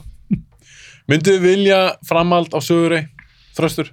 Ef hún færi í Palpatine, Ef hún færi í... í Palpatine, ef hún myndi færi þá áttina Að að verða Já, vond. Palpatine, ég veit ekki eins og þegar maður sá hana þegar hún var sérst vonda sín, þessi dökka það er geggjað og svo einmitt kemur Rey Skywalker, ég hef ekki alveg sjá þann endi. Ég frekar einmitt að hún hefði tekið með Kylo Ren, þau hefðu tekið upp okkur nýju Empire og farið, þú veist, þálið. Já, hún hefði orðið vond. Já, en ef að það kæmi mynd með henni, ég held hún er ekki góð. Það sem hún er eitthvað að reyna að endurvekja Skywalker nafnið. Nei, Það held ég að sé- ég, þá er þetta bara orðið svolítið svona þvingað sko. Já, ég myndi ekki vilja sjá meira bara já um hún kom með sko. að tvöfald sverð og fara að berjast við hvern, hvernig hann að berjast við. Þetta er allt búið. Hver á að koma? Palpatine aftur? það er spurning bara í sjötta skipti Já, nákvæmlega. Já, við áttum með auka klónaninn og klósti, þetta kom bara með. Þetta var bara lokin. En Jedis, bara þetta Jedi Order, er þetta góð að gera? Þeir Klárlega. voru það sko. Mm. Það er alveg Þeir bara eru rökrétt, ekki í prequels lengur. Veist, þeir eru svolítið bara orðnir vilt, þú veist, þeir, Þegar þú segir voru, eftir að tala bara fyrir myndirnar. já, Veist, í þú veist, sögunum. í sögunum, þú veist, þetta hana, hvað heitir High Republic, High Republic, já, ég þar eru þeir, þú veist, það er svona byrjunin á þeirra downfall, sko. Það er líka svo mikið ósamþykju og svona losnun í þeim í Já, Phantom Menace og þeim myndum. Það kemur svolítið los í það. um, ég sá hana Mandalorian hana Galleries, þegar Dave Filoni er að tala um þá, veist, þeir eru allir orðnir einhvern veginn svona, veist, þeir stjórnókislega miklu og veist, þeir eru að berjast geðið mikið. En ein, svo eini sem er ekki að gera er Qui-Gon Jinn. Hann segir að hann get ekki verið í stríði. Þeir hefðu aldrei átt að fara í þetta klónastríð. nei. Og Það- Jóta fattar það í lokin á, á, á stríðinu að þetta sé ekki rétta. Og eftir hann að hann berst við keisaran, þá bara hættir hann öllu. Þú veist, að berjast. Já, hann febri útleð og, og þú veist, Er það að Jedi Way? Fari útlegð? nei, hann er alltaf var að gera það því að hann var að fara í félur. Já, en nei, hann eh, alltaf var hættur að, þú veist, að grípa til vopna, eitthvað svona. Þannig að það komið í ruggla Jedi, þau voru bara svo lögreglan, svona Já, Ameríka. Sjáum allt. það var svolítið þannig, sko. Já, algjörlega. Mér hefst líka, þú veist, og það var svo mikið með sko óbjörna, þú veist, nei, hérna, þá að, að Anakin væri the chosen one, Mm en þú veist, hann náttúrulega breyti strax, bara í vond, hann fór strax að drepa. Já, hann er samt ennþá chosen one þegar hann er að drepa. Já, já, En kom hann ekki eitthvað, einhvers konar balans á The Force? í smá stund. Voru ekki Jedis orðið svo miklu fleiri en alltaf Sith? Ég og- skil ekki alveg þetta balans, sko, hvernig getur hann verið að balansa máttin eða fórst þegar hann drepur sið. Verði ekki að vera vondur og góður þá til þess að vera í balans. En hvort fyrir þig, ég var aðeins að það nefndi við þröstin á hann byrjum að taka upp. Í orginal þrílunum, þá var aldrei talað mitt Glorians. Það kemur ekki fyrir í prequels. Já, reynda Þannig að í orginal þrílunum, þá er eins og það force sem er svona andlegt. Svo konið prequels, þá er þetta eitthvað sem hægt er að mæla og það er svona að sé eitthvað svona líkamlegt. Blóðsjúkdómur. Já, Já, þetta er eitthvað í blóðinu og eitthvað. Hvernig var að fíla það? Mér er alveg sama, sko. já, ég var aldrei að velta mér eitthvað mikið upp úr þessu sko. Þú hefði ekkert pælt þessu? Nei, Nei. já, já, þetta er þannig já. málu vera hana Þröstur? Já, ég... Aldrei pælt í þessu? Jú, þetta ákvæða mig, þú veist, að því að þetta kom í myndunum, eða þú veist, þegar ég var eldri, þá kom þetta svona mitt í klóriðin blóðum, þú veist, okkur ekki bara mæla blóðið. Tekka á þessu, á, ok, þessi, prófum að þjálfa hann, hvað gerist? Að því að í einmitt fyrstu myndunum, eða sérst, já, að þá erum við tala um, þú veist, þú ert að æfa það fórst, þú ert að fá okkur jetta til þess að æfa þig og hann þarf að sjá þetta. Svo hérna í príkvist, þá er þetta bara, þú veist, allir younglings sem það komnir og allir geta að vera jetta sem eru með það fórst En er þetta ekki aðeins meira svona mystery? Fyrstu Svona myndunum. meira spenna ef þetta er Klárlega, ekki sko. mælanlegt? Já, Ég Þá er- skil alveg að sumir finnst það pyrrandi, sko. þarf það að vera með óvissust hvort hann verið Sith eða hvort það verið Jedi eins og til dæmis með Rey, hún fór strax í dökka þegar hún var að kynast Skywalker Já, já, emmitt. en svo er náttúrulega ég hló reyndar ótrúlega mikið þegar hún sat á steinum, finnur þetta með eitthvað grastrá og fykt í hendina á henni það var mér algjörst Það var það gott. já, en hún náttúrulega að því hún er palpati þá er hún sérst tengt meira örglega inn á Darkseid. Það kom ekkit inn hvort hún verið Darkseid eða Jedi, þetta var svona Það var eiginlega náttúrulega ekki að díla S-Jedi því að þá vissi þér ekkert hvað það Æ, og það var einmitt líka það sko, þú veist, þeir voru búin að byggja hver er þessi og hver eru foreldrar hennar og Já. eitthvað svona. Og í Last Jedi það bara að foreldrar hennar voru bara einhverju, einhverju dópistar Já, bara einhverjum junkies, já, þú ert ekkert merkileg. Já. Bara skömm. Hvort fíluðu þið? Hún var bara engin eða með kannar? ég hefði sko alltaf viljað hafa kannski alveg eitthvað nafn. Mm. en svo eins og ég sína í Lest Jara, það er hann litli strákurinn í endan Já, það tekur upp kústinn. Það er greinlega alveg börnan úti sem eru for sensitive eitthvað svona. Þú veist, ég hefði bara viljað hafa kannski ég veit það ekki alveg. Ég meina meika það ekki alveg sens að þú getur alveg verið force sensitive þó þú sérst ekki partur af einhverju blóðlínu eða skilji. jú, ég meina hva, annars væri það ekki að þjálfa allir þessi börnana í príkólunum Nefnir líka tilheyrir það force, þessi lífskraftur, tilheyrir það bara einhverjum nokkrum útöldum. Nei, nákvæmlega. Það er fáránlegt. Já, ég, ég hef aldrei kannski sett hana sem Palpatine eða eitthvað en ég hef kannski alveg kannski eitthvað tengt, þú veist Hún væri Kenobi. Já, það var Rey einmitt Kenobi. það var hérna hann átti náttúrulega kærustu já, það var alveg, þú veist, theories um það sko, hún væri Kenobi. badna badna hans Já, barna barna hann hans. hafði ekki Já. geta Já, nefnitt. Þó hann þessi forskóst þá hafði hann ekki geta En þú, eins og með Rey, er. Vildur, var þeir alveg drullu sama? Var ekki pínu að bara, þegar Kylo segi við hana, fóldurinn voru bara nobodies. Mm, ekki út af því hvernig Force Awakens var að því að þú veist, mér fannst alltaf svona eins og Han Solo vissi hver hún væri já, eins og Hann væri alltaf þau, þau eru að eitthvað að passa tala upp á saman við vatnið og hann horfir eitthvað svona á hana og bara, veist eins og hann eigi að vita hver þetta er sko, veist, hann bara viti alveg allt um hana. Leia hefur náttúrulega vissi að hún væri og við leia líka eins og hún viti hver þetta er og hann litli, litla kettlingi sem hitta hann á barnum í hvað eitthvað að fyrir hún vissi hver hún væri einhvern veginn. Hann segir bara eitthvað that's a story for another time. Já, Já, svo líka þegar, hún, you. þegar að hún sko fær geislasverðið þar þú veist, þá heyrur í Júi McGregor hana, these are your first steps. Já, Þú veist, hann er að tala við hana sko, svo fær hún hana force hana, visionið hana þú sér, þú veist, þegar Luke setur hendina á Já, R2-D2 og þú veist, og mustur er að brenna og þú sér þannig að Knights og Ren og eitthvað. Þegar Kylo einmitt stingur Knights og Ren í baki hana sem ætlar að ráðast á hana. Þú veist, það er alveg klárlega einhver tengingana sko við veist, ég hef allan dag farið í eitthvað annað en Palpatine eða eitthvað ég vil fá Kenobi sko. það hefði meika meira sens fyrst mér því að ef hann tala við hann gegnum forsin sko þegar hún grípur sverðið Mm. það er því að hann segja við hann þú veist, these are your first steps Þú veist, okkur þetta hann að koma inn þarna svo er hún Palpatine.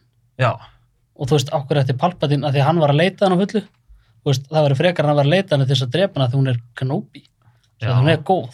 Ekki það að hann vilja fá hana til þess að drepa sig svo hún verði alöflum með allt sitt í sér. og líka ef að, þú veist, hann var lifandi þú veist, allan tíman í ykkur felum og veikur eða eitthvað en þú veist, þegar hann tók sverði, okkur hefði hann ekki fundið fyrir henni þá. Já, Það hefði meika meira sens ef hún var Palpatine allan tíman. En vissi JJ eitthvað hvað hann ætlaði að gera? Var hann ekki bara að starta fullt af ykkur og bara að svo bara finna þau út úr þessu? Jú, í rauninni, sko, hann bara, það var þannig, hann bara átt að gera fyrstu myndina. Hann er bara, bara bara farinn. En, En þú veist, eins en mér finnst það ekki vera á honum, mér finnst það bara vera Disney að kenna einhvern veginn að hann var ekki ráðið hann bara í alla myndinar. Já, ég, þú veist, ég held að það hefði verið mistökið, sko. Svo Ryan Johnson tók bara allt það sem var bygg- byggja upp hana og bara flegði því að borðinu. Já, það er svo hann hafði rauninni bara sagt, Ryan Johnson, hann bara, nei, ég fíldi ekki. Ég ætla bara hann að breyta. þannig. Já, var þá enginn sem stoppaði það? Hann Nákvæmlega eins og með þetta Knights og Ren. Þú veist, það vissi enginn almennilega hverju þeir voru þarna, þú veist, Hversu cool hefði þeir geta verið? Þeir voru mjög fannst geggjaðir í hérna, Rise og Skywalker. En þeir fengi ekki að gera ekki þú veist, karakterar. það var líka sko bara, held ég, J.J. Abrams bara svona að redda málunum, bara var fá tími til þess að setja þeim, þeir voru ekkert í mynd nummer tvö, sko, þá Nei, voru ekkert. veiðir lífverðir. þeir hefðu getað verið þar Veist, bara. það- Akkur voru það ekki þeir? Þeir hefðu geta byggt Force Awakens svo miklu, miklu meira upp ef þeir hefðu haldið bara, ef að J.J. Abrams hefði sjálfur gert Last Jedi eða eitthvað sko, veist, haldið áfram með söguna sem var að byrja. Þú veist, þetta var bara eins og myndum með döðana var bara að starta einhverju glæníu franchise eða eitthvað sko. Ég er bara frekar ef að Ryan, Ryan Johnson átti endan að gera starfsmynd. Áhverju fekk hann ekki bara starta ykkur nýju? Hann ætlaði að gera einhverju þríleik Hann er ennþá Er hann ennþá með að þetta? toucha við það, sko. Heldur hann að fá að gera það? Ég veit ekki, bara, mér finnst það mjög ólíklegt, en þeir eru ekki ennþá búin að, sko, gefa út að þessi búið að cancela. Ég er ekki að sjá að gera það. þessar Knives Out myndir. Já, hann er bara að greiða skrillinu hann hjá Netflix að gera eitthvað næfs átmyndir. Herru, förum bráðum að slótsustrákar, en svo í lokin þá væri ég að spyrja ykkur, ef þið gætu eignast geislasverð, hvernig lit myndið þið fá? okkur? Ég myndi fá mig græn. Grænt, Já. ok, Ólafur? Raukt. Já, fucking eins, sko. Ég hefði helst vilja Kylo Ren sverið, mér finnst það alveg flott að sverið. Já, með á hliðunum. Já, það er líka svo óstabíl, sko. Já, Já, finnst þið það meira töff heldur en? Já, mér finnst það cool, sko. það er líka að sína hvað hann er óstöðuleik og það er bara, hann er, hann er svona frá því að bara klikkast. Þröstur, hvernig lit myndið þú velja? Myndir þú kannski bara vilja vopna það stjúi eða? Ég myndi vilja fá rautt sverð, en ég myndi vilja fá X-ina sem var með í Nights of Ren. Hún var brjálu, Já, hún var stór. X-i. Þetta ekki, en svo er náttúrulega þú veist rauða sér að það. Ég myndi alltaf verið ykkur húsasundi og svo lappa, lappa fram Já, bara, og hlaup út. og rista fólkina. Algjörlega. Ástæðið spyr, því ég er svo mikið nörd, það er svo gana að spyrja fólk að þessu sem kemur þáttið mín. Og ég set alltaf á Spotify og Instagram, setja svona lítið geislasverð með s- litnum sem að gestinni völdu. Þannig að þið verðum með raukt Það er með rautt. og er ykkur þú verðum með grænt. Hver er uppáhaldskartin ykkar í Star Wars frá upphafi? Ólafur, Myndunum þá bara, myndunum, þú talaði um allt bein, myndirnar, live action myndirnar. ég held ég myndi velja Kylo Ren, sko. Ok, Já, ég fíla bara, þú veist, karakterinn, hvernig hann er alltaf að berjast við Darkseid og ljósið eitthvað. Þessi togstreita. Já, þessi tókstreita, sko. mm -hmm. Þú veist, þó hann sé alls ekki fullkomin karakter, en ég bara fíla hvernig hann, eins og Adam Driver gerði þetta bara, hann veist, það gerir þetta virkilega vel. Hvort heldur hafa hann með hjálminn eða ekki? Með hjálminn allan daginn, sko. Gamlaði nýja. Já. af því Heila nýja. Nýja Hann geggja. er svo flottur við rauðu skurðunum, sko. Trillt. Ógeðslega flottur. Ég var ánægður að hann hafi sett hann saman og sett hann aftur á sig. Og maður sér líka í þeirri mynd, sko, hann er orðið svo mikill svona hersu ekki þannig. Mm -hmm. Hann er bara með Nights og renn með sér, lappa bara inn í salin og bara tekur gæðan þar upp, bara forstjókar hann og svo bara út aftur og hann bara sýnir að hann er bara með völd, sko. Já, svo líka þegar hann var að tala hérna, voru allir að horfa á hann bara, ég finn og þú ert að horfa á hjálmið minn. Nei, nei, hann er fín, ó, góður, bara, ég hef sagt alltaf nákvæmlega sama. Ok, þröstur, uppáhaldskartin, er það Chewie? Nei, það er hann solo. Að Það hann er, er alltaf að klúðra öllu, alltaf í vesinni, hann er alltaf að retta sér og þetta er svona gaur sem að fyrir gegnum lífið bara eins og íslendingar, að þetta rettast. þetta er eins og til dæmis í myndinni hérna þess að þeir eru með helvitis kúluna með höndunum þegar klíkund að koma, eh, ná 50 eða peningum á honum, reyjar hérna þegar hann er nýbúin að ná í Millennium Falcon bara, þetta er, hann er, hann er svo mikill snillingur. Hvernig fannst það svo annan leikar að leikan í sólumyndinni? Mér finnst það gott. Það böggaði Það bakar minni, mér finnst það bara mjög fallegt að mér, já, mjög fallegt. Meikar ekkert sens að hafa Harrison Ford hann er gamla leika Hvað ætlar að gera svo X-Men? 18 ára gutta eða eitthvað sko. Deepfake hann? Deepfake, já, þú veist, og hlaupa. Það gengur ekki, mér fannst hann alveg gera þetta vel sko. Mér finnst það frábært. Er mér bara- finnst Solo bara, hún er eina mjög uppáhaldsmyndum. Bara, ég get hort hann aftur og aftur og aftur. En Woody Harrelson náttúrulega bjargar hann mikið. Alltaf góður, alltaf góður, alltaf góður. en svo náttúrulega eins og til dæmis með horfið á gamla klippur á YouTube þá er sem sagt Chewie, þá talar hann og Harrison svarar hann, svo er sett urrið inn í eftir á það finnst mér alveg geðvikt og fullt af YouTube Ég meina leikarinn. Já, leika, þú veist, hann segir kannski, já, við þurfum að gera þetta, þá kemur hinn, já, kannski gera þetta, já, tjúi, við skulum gera þetta, svo er hinnu bætt inn í. þetta er svona eins og leikari sem að leikur Darth Vader, breski gæinn. Var hann ekki skoskur? já skoskur Nei, hann er breskur. Hann er breskur. þegar hann heimar heyrir sko, heyrir hann vera að tala hann í búningnum sko bara einhver ennskur reymur og Já, svo þú veist, kemur náttúrulega James Earl Jones með þú veist, sína rödd og gerir karakterinn sko það er bara svo fyndið að hlusta á þetta. Það er mjög fyndið. það passar engan við við hann sko Eiríkur, upp á Star Wars kartir. Ég er sko búin að hugsa þetta mjög mikið. Lítur að einhver. Þetta er bara eins og að gera upp á milli barnana svona. það fer eiginlega bara eftir hvað ég er að horfa á. Ég var að horfa á, þú veist, einhvern klón var sátt, þá var Qui-Gon uppáhaldskarakterinn minn. Já. Princess Leia hefur verið uppáhaldskarakterinn minn, sérstaklega eins og í New Hope, þú veist, byrjunni, þú veist, hún er ekki trætt við Darth Vader. Það er bara gett Já, null. Hún En reyndar er engin hrættur þannig sé við hann í myndinni. Ekki fyrir hann forstjókar hann að gaurinn á fundinum. Já, þeir verða svona náttúrulega, já, en reyndar Tarkin er ekki hrættu við hann. af Því hann stjórnar hann. Luke hefur náttúrulega, á, Þú ert bara með leit. frá, já, ég veit ekki hvernig ég á að velja. Bara, Alltaf að segja pass.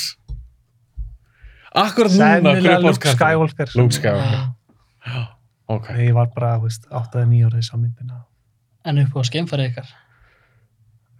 Slave One, Slave One. já, Að er með sem að tæfættis. má reyndir ekki heita það lengur Nei, Ég byrju þeir breyttu því Slave One er bara svo svalt nafn.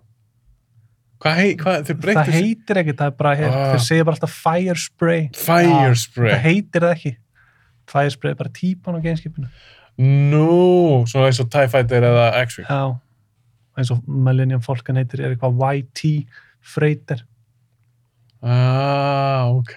þannig að til fleiri svona skip En það er X-Wing af þér, Slave One, hvað sagði þú þú? ég held því Hljóði í hann með svo geður. Já, En þið veitu okkur hann heitir tæfættir. Ég vissi það ekki fyrir þú sagði mér á Já. Instagram. Segðu hlustandum okkur að þetta er Fighter. Tæfættir heitir tæfættir að það er skamstöð fyrir The Indian Elephant. Þeir nota hljóður indusku fíl að öskra. og bíla skransa Já, bí, ja, bíli göngum eitthvað skransa. En þetta er langt flottur hljóð. Þegar þú segir tæfættir hérna koma þetta er bara trillt Mhm. hljóð. Já, ég fíla að tæfa þetta. Já, og líka svörtu kallarnir, alltaf að stilla stýrið, hvað það gera þarna, skjóta, mér erst alltaf glata hvað tæfa, eða þú veist, vondu kallarnir er svo þú veist, þeir skjóta og skjóta og skjóta og svo er bara drefnir. Er þeir gagslusir? Nei, þegar þeir eru til þess að láta drepa sig. Þeir eru góð skjöld. Já, góða skjöld, Góð þeir eru svo fremstir í þessu, þetta er alveg.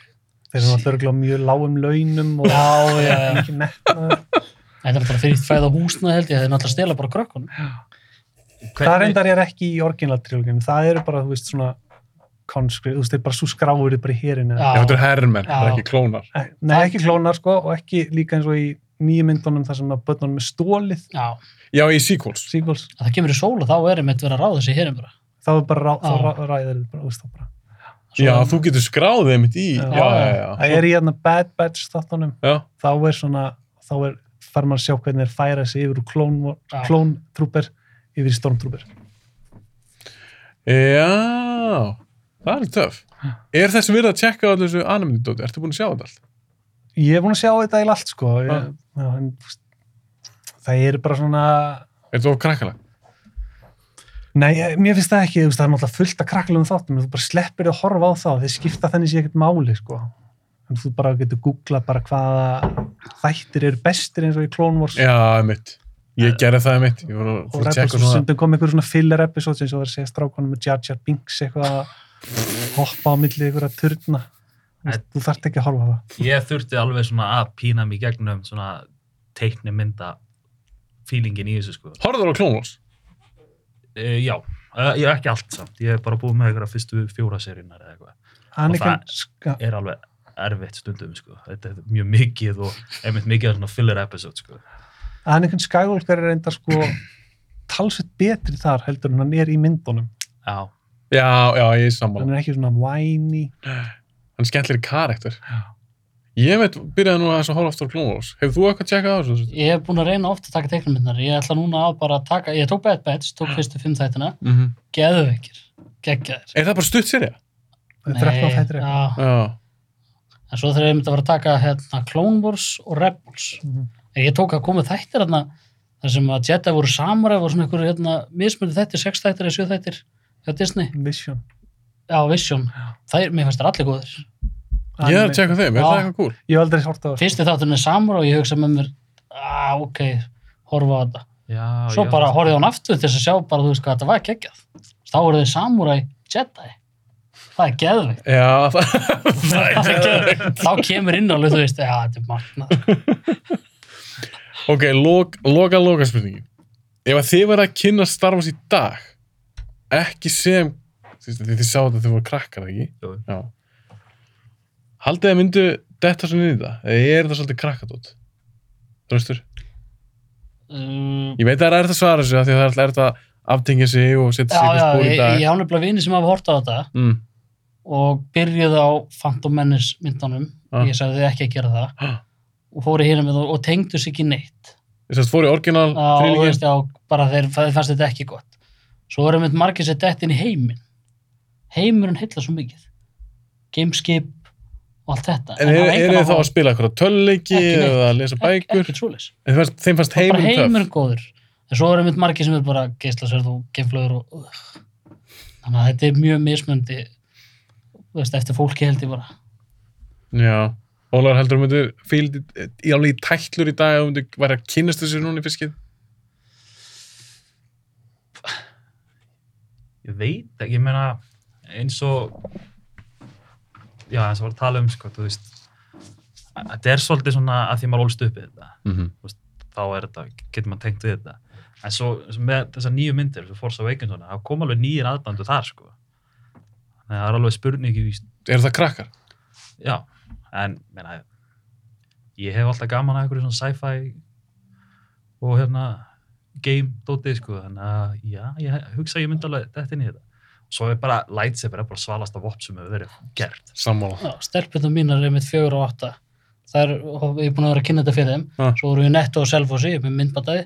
Og þá var einmitt önnu með rauða svona sápukúlu sverð og hinn með bláa og bara, við erum með Star Wars og svo það skilmast.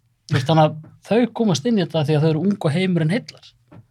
Já, ég er bara að pæla hvort að heimurinn heilli miklu meira krakka heldur en fullorna. Já, þeim finnst eiginlega bara gisla sennum vett. Að ég með þess, kærasta mín hefur ekki séð neina starfsmynd. dömpa henni Varstu undan mér? og ég hugsaði með mér, því hún sag, sagði við mig einhvern daginn, því ég var að horfa á, því ég var að gera þetta alltaf þætti og var ég að horfa alla myndir í, að horfa aftur. Þá sagði hún, er ég á Star Wars, þú er ekkert að sína mig það? Nei, ég, Ég, ég, ég mun eiga þess aðrætt með að vera að sitja á hliðin á henni og finna að bara hún er ekki að fíla þetta. fer bara með henni í Empire Strikes Back byrjun á henni. Þá bara veitir. Það heitast allir að veitir, alla stelpur elska vondastráka. Ég myndi byrja Eða á Kylo Return Ren. of the Jedi. Þú myndir byrja á henni, Já. en þú segið það alltaf bara þegar það var fyrsta myndin því. Já, þetta er svona Strikes Hún er Back eða Kylo Ren. dark, hún er skemmtileg og þú veist, kona mín, ég horfði á alla Star Wars myndir með konun minni og hún, jú, hafði alveg séð eitthvað af þessu svona ekkert almennlega, hún hafði aldrei hort held ég á heila mynd. Já, en svo eru sískin hennar sko algjör Star Wars nördar. En þau voru einhvern veginn aldrei að sína henni myndir að eitthvað ástæði en ég fór bara með henni fyrir já, fyrir sjö árið síðan. Já, bara horfðum á allar myndina príkólin og hérna, orginal Já. og hún datt alveg þetta sko. og þú veist að líka því ég var að segja henni frá þú veist, með all lórið í kringum þetta og allt þetta sko, þú veist. Hún gæti alveg dottið inn í þetta sko, fílaði þetta alveg og fór hún með fílaði þetta. já, hún fór með mér í bíó og hérna, síkulinn og allt þetta sko. Eiríkur, mynd, þú, he- he- er, ég veit að rétt að svara þessu, en heldur hún þér heillast þess mikið af þessu sem fullorðum aðeins? Það var að setja fyrst skipti. Já, mjög öðvöld að svara þessu, já. Okay. Af því að svo, bara svona svo með Game of Thrones, ég hafði ekki hugmynd um hvað þetta var Ah. fyrir þetta kom í sjónvarpið mm og ég svoðist bara inn í það sko bara ég hef alltaf gaman að þú veist svona einhverjum æfintýra heimum Lord of the Rings og eitthvað svona þannig að já, engi spurning sko Það er svarið bara já. já, Star Wars myndi alltaf heilla. ég held að já já, þetta er alveg merkilegur mánuður, þessi mæ, núna, 2022, nýhópi 45 ára, já, núna 25. mæ, þessi þáttu einu það kemur út fyrir þann tíma. Hversu gæði það? 45 ára gamall, byrjaði sem kvikmynd. Það byrjaði ekki sem teikmyndasaga, bók, töluleikur, og fært sér yfir í kvikmyndaformið. Mér finnst eitthvað svo geggjað, þetta er bara kvikmyndabálkur. En spurningin er, er framtíðin bara í sjónvarpi?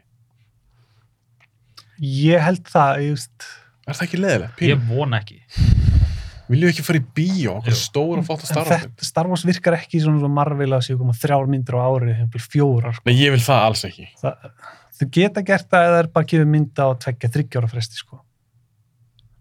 Já, ég var til í þryggjára. Ég meina þau gerðu það, bæði orginal þrýlíkurinn alltaf þrjú ára milli Já, og líka prequel. prequels. Já. svo fóru Framhaldsmyndirnar. þeir bara á hverju ári Já, Nei, það var tvö ára milli. gáðu Nei, það sérst ég á Solo og Rogue One. Já, já. Já. er þetta voru rosa vittlusir að sína solo tveim vikum eftir Infinity War Það alltaf engin á þá mynd Já, hún kom stutt eftir Infinity War. strax eftir sko. Og líka, kom hún ekki líka bara einhvernum 5-6 mánuðum eftir Last Jedi. höfum líka það með allt heitið hvernig það fíluðu þið, þú veist, að- þetta var rosalega svona umræða um þetta með Rogue One þegar það er tölvu gerðu þarna Tarkin bara, nei, hvað er það? Jú, takk. Tarkin, já. Fólk var, sumur hötu þetta, það væri bara eins og einhvern tölvuleikja karakter. Ég fíla þetta ekki. Ég fílaði það. ég, ég fíla þetta, ég fekk hann aftur sko, Já, ég hefði aldrei viljað sjá annan leikara. ekki séns. En þetta áttur að elda svo illa maður. Já, öruglega. þeir eru eftir að gera bara svona eins og George Lucas bara svona special edition útgáfi þar sem þeir laga þetta Af hverju eru Disney, svo fyrir að stóttur, af hverju er Disney ekki múin að gefa út orginal? af því að Lucas hefur bannað það En hann seldi þetta, heldur, heldur það að bara við sett samningnum sá- bara? samning bara, að metti ekki Það ég meina, hlýtur að vera. þú getur ekki hort á Holiday Special á Disney Plus, hann hatar það þú getur sér teiknumyndina sem var í þættinu Við erum bara svo skrítið þeir myndu mala gull. Já. Allir nördandi myndu kaupa þetta á Blu-ray og eitthvað. Allir. Klárlega. Sérstaklega þetta kem, þetta er örugglega mest nýðurlega efni að þetta kemur orginal á Disney Plus. Ég myndi alltaf, ég kýs alltaf að horfa orginal heldur en þessa nýju, sko. Ég fyrir frekar DVD sko. Já. Já, en það er skemmtilegt. erfitt, jú, þú náttúrulega kannski átti þetta á DFT. Já. Það er erfitt að nálgast þetta í dag. átt þetta DFD þú veist bara skömmlu útgáðunar Gömlu útgáðunar á ég. Ég er náttúrulega var safnaði það DVD gefið fyrir upp á ykkur. D- út á DFD Þetta fekk ég frá Ameríku þegar frendi mig húrðugæði. já, já. Ég var þrjá diska þar. Þeir fara aldrei úr mínum höndum. En byrjuðu þetta er samt góð spurning, er þetta til á DFT? Bre Hvenær breytti hann þessu? 97? 97, já. ég man ekki eftir á Vaffa S sko. Ok, það er ekki hægt. Byrjuðu átt út á Já, orð? Ég hef með sérst orginal myndin á DVD ég ekki skiptið sko special edition útgáðan á Vaffa S ég átti reynda líka að hitta Vaffa S undan sko en hérna Mér finnst það synd, af því að ég, ég var alveg til að sjá orginal útgáðunar sem ekki búin að eiga við þær. Já, það er svo leiðilegt að sjá allt þetta CGI svo með stórtrúpurinn á okkur svínum og svo Já. einu þegar þú ert að koma inn í bæinn allt Sko- þetta dót sem er að koma fyrir Þetta, þetta þetta passar ekki inn. ekki neitt svo er þetta líka svo sk- þú veist, í Empire Strikes Back þannig að breytti í fyrst 97 þegar Luke hoppa niður hann eftir dúalið Já. Þá var hann búin að klippa inn öskurinn í keisarunum þegar hann, honum er hent niður í Return of the Jedi Ha? og hann er búin að taka það aftur úr En svo bætti hann líka við, no, no, já, já, þegar að veitir tekur keisan upp og hendur hann niður. já 2011 Já, það er mér ekki talað síðan. Nei, bara rétt hann að seldi Ég vissi þetta ekki, þegar ég horfði núna á Jedi fyrir stuttu, þá fyrir ég að býta, sagði það alltaf no, no. þetta var svona eins og Picasso eða þú ættir merk eftir Picasso í stofunni þinni og hann var alltaf að koma heim og breyta þig Nei, ég meina þeir gerðu gott grínaðis í South Park hana. Þú veist, það var allir komin walkie-talkies af því að George Lucas og Steven Spielberg alltaf breyta allir myndunum hjá sér. það var eitthvað hana með, þú veist, í staðin fyrir Wookie þá notaði eitthvað annað orða, eitthvað svona. En mér finnst það ekki synd, mér finnst þetta svo að þá sem að gerðu tæknibrellunar Já, um mitt. það sem búið að taka allt þeirra dót út og setja bara eitthvað tölvugert er reyndar bara að sömu gaurandi sem gera það held ég. Eins og í hérna, í Return, þú veist, að byrjun atriðana hjá Bob, nei, hérna, Jabba, Mhm. þú veist, maður sér alla þessa geggjuðu búninga og svo kemur einhver einn, þú veist, CGI blá kona hana eitthvað, þú veist, hverju dætt í hug passar ekki inn. Hverju dætt í hug að setja inn tónlistaratri í Star Wars það, var, það, tónlistaratri. það er tónlistar Nei, svo CGI, þú veist, þetta bara en þetta er ræðilegt að sjá þetta og eins og með þegar hérna í Rogue One þegar það kom upp og það er einhver kona að syngja hérna með einhverja grímu framan á sér Það ég verður ekki eftir þessu Nei, ég þarf að, ég Í er Rogue að One? sá Rogue One. Já, Rogue One þegar að fara upp í gameskipi fyrst getur þeir að hitta hérna gaurið með í andlutinu og þá var eitthvað kona að syngja ekki og smá tónlistatri þegar hérna solo og þeir lappin Var það í Rogue One? Nei. það var, það var ekki Var það Rogue ekki, One var það í solo? Já, solo, já, já, solo, solo. Já, já, já, ekki, já. það, þetta er það er svona tónlistaratri Já, nei, þú veist, að koma með CGI, það finnst mér þú veist Já. skemma Já, bæta við. bæta við Já, eitthvað svo svona. það bætt sko við sko söngvara í Return of the Já. Jedi, annar lag Þetta er svo gali maður. Það er straka, fyrir maður slúttur þessu, bara takk kærlega fyrir að koma. Star Wars nörðunir, við erum búin að þessi segja, við tölum að saman á Instagram og svona, og loksins gáttu komið. Ég vona bara því að jafn gána þessu eins og ég. Þetta var stuð. klára, það var bara svo farið til sálfræðings það er góður í ár Fá það sem létt af sér. Takk fyrir að koma. Já, takk fyrir þess Takk fyrir.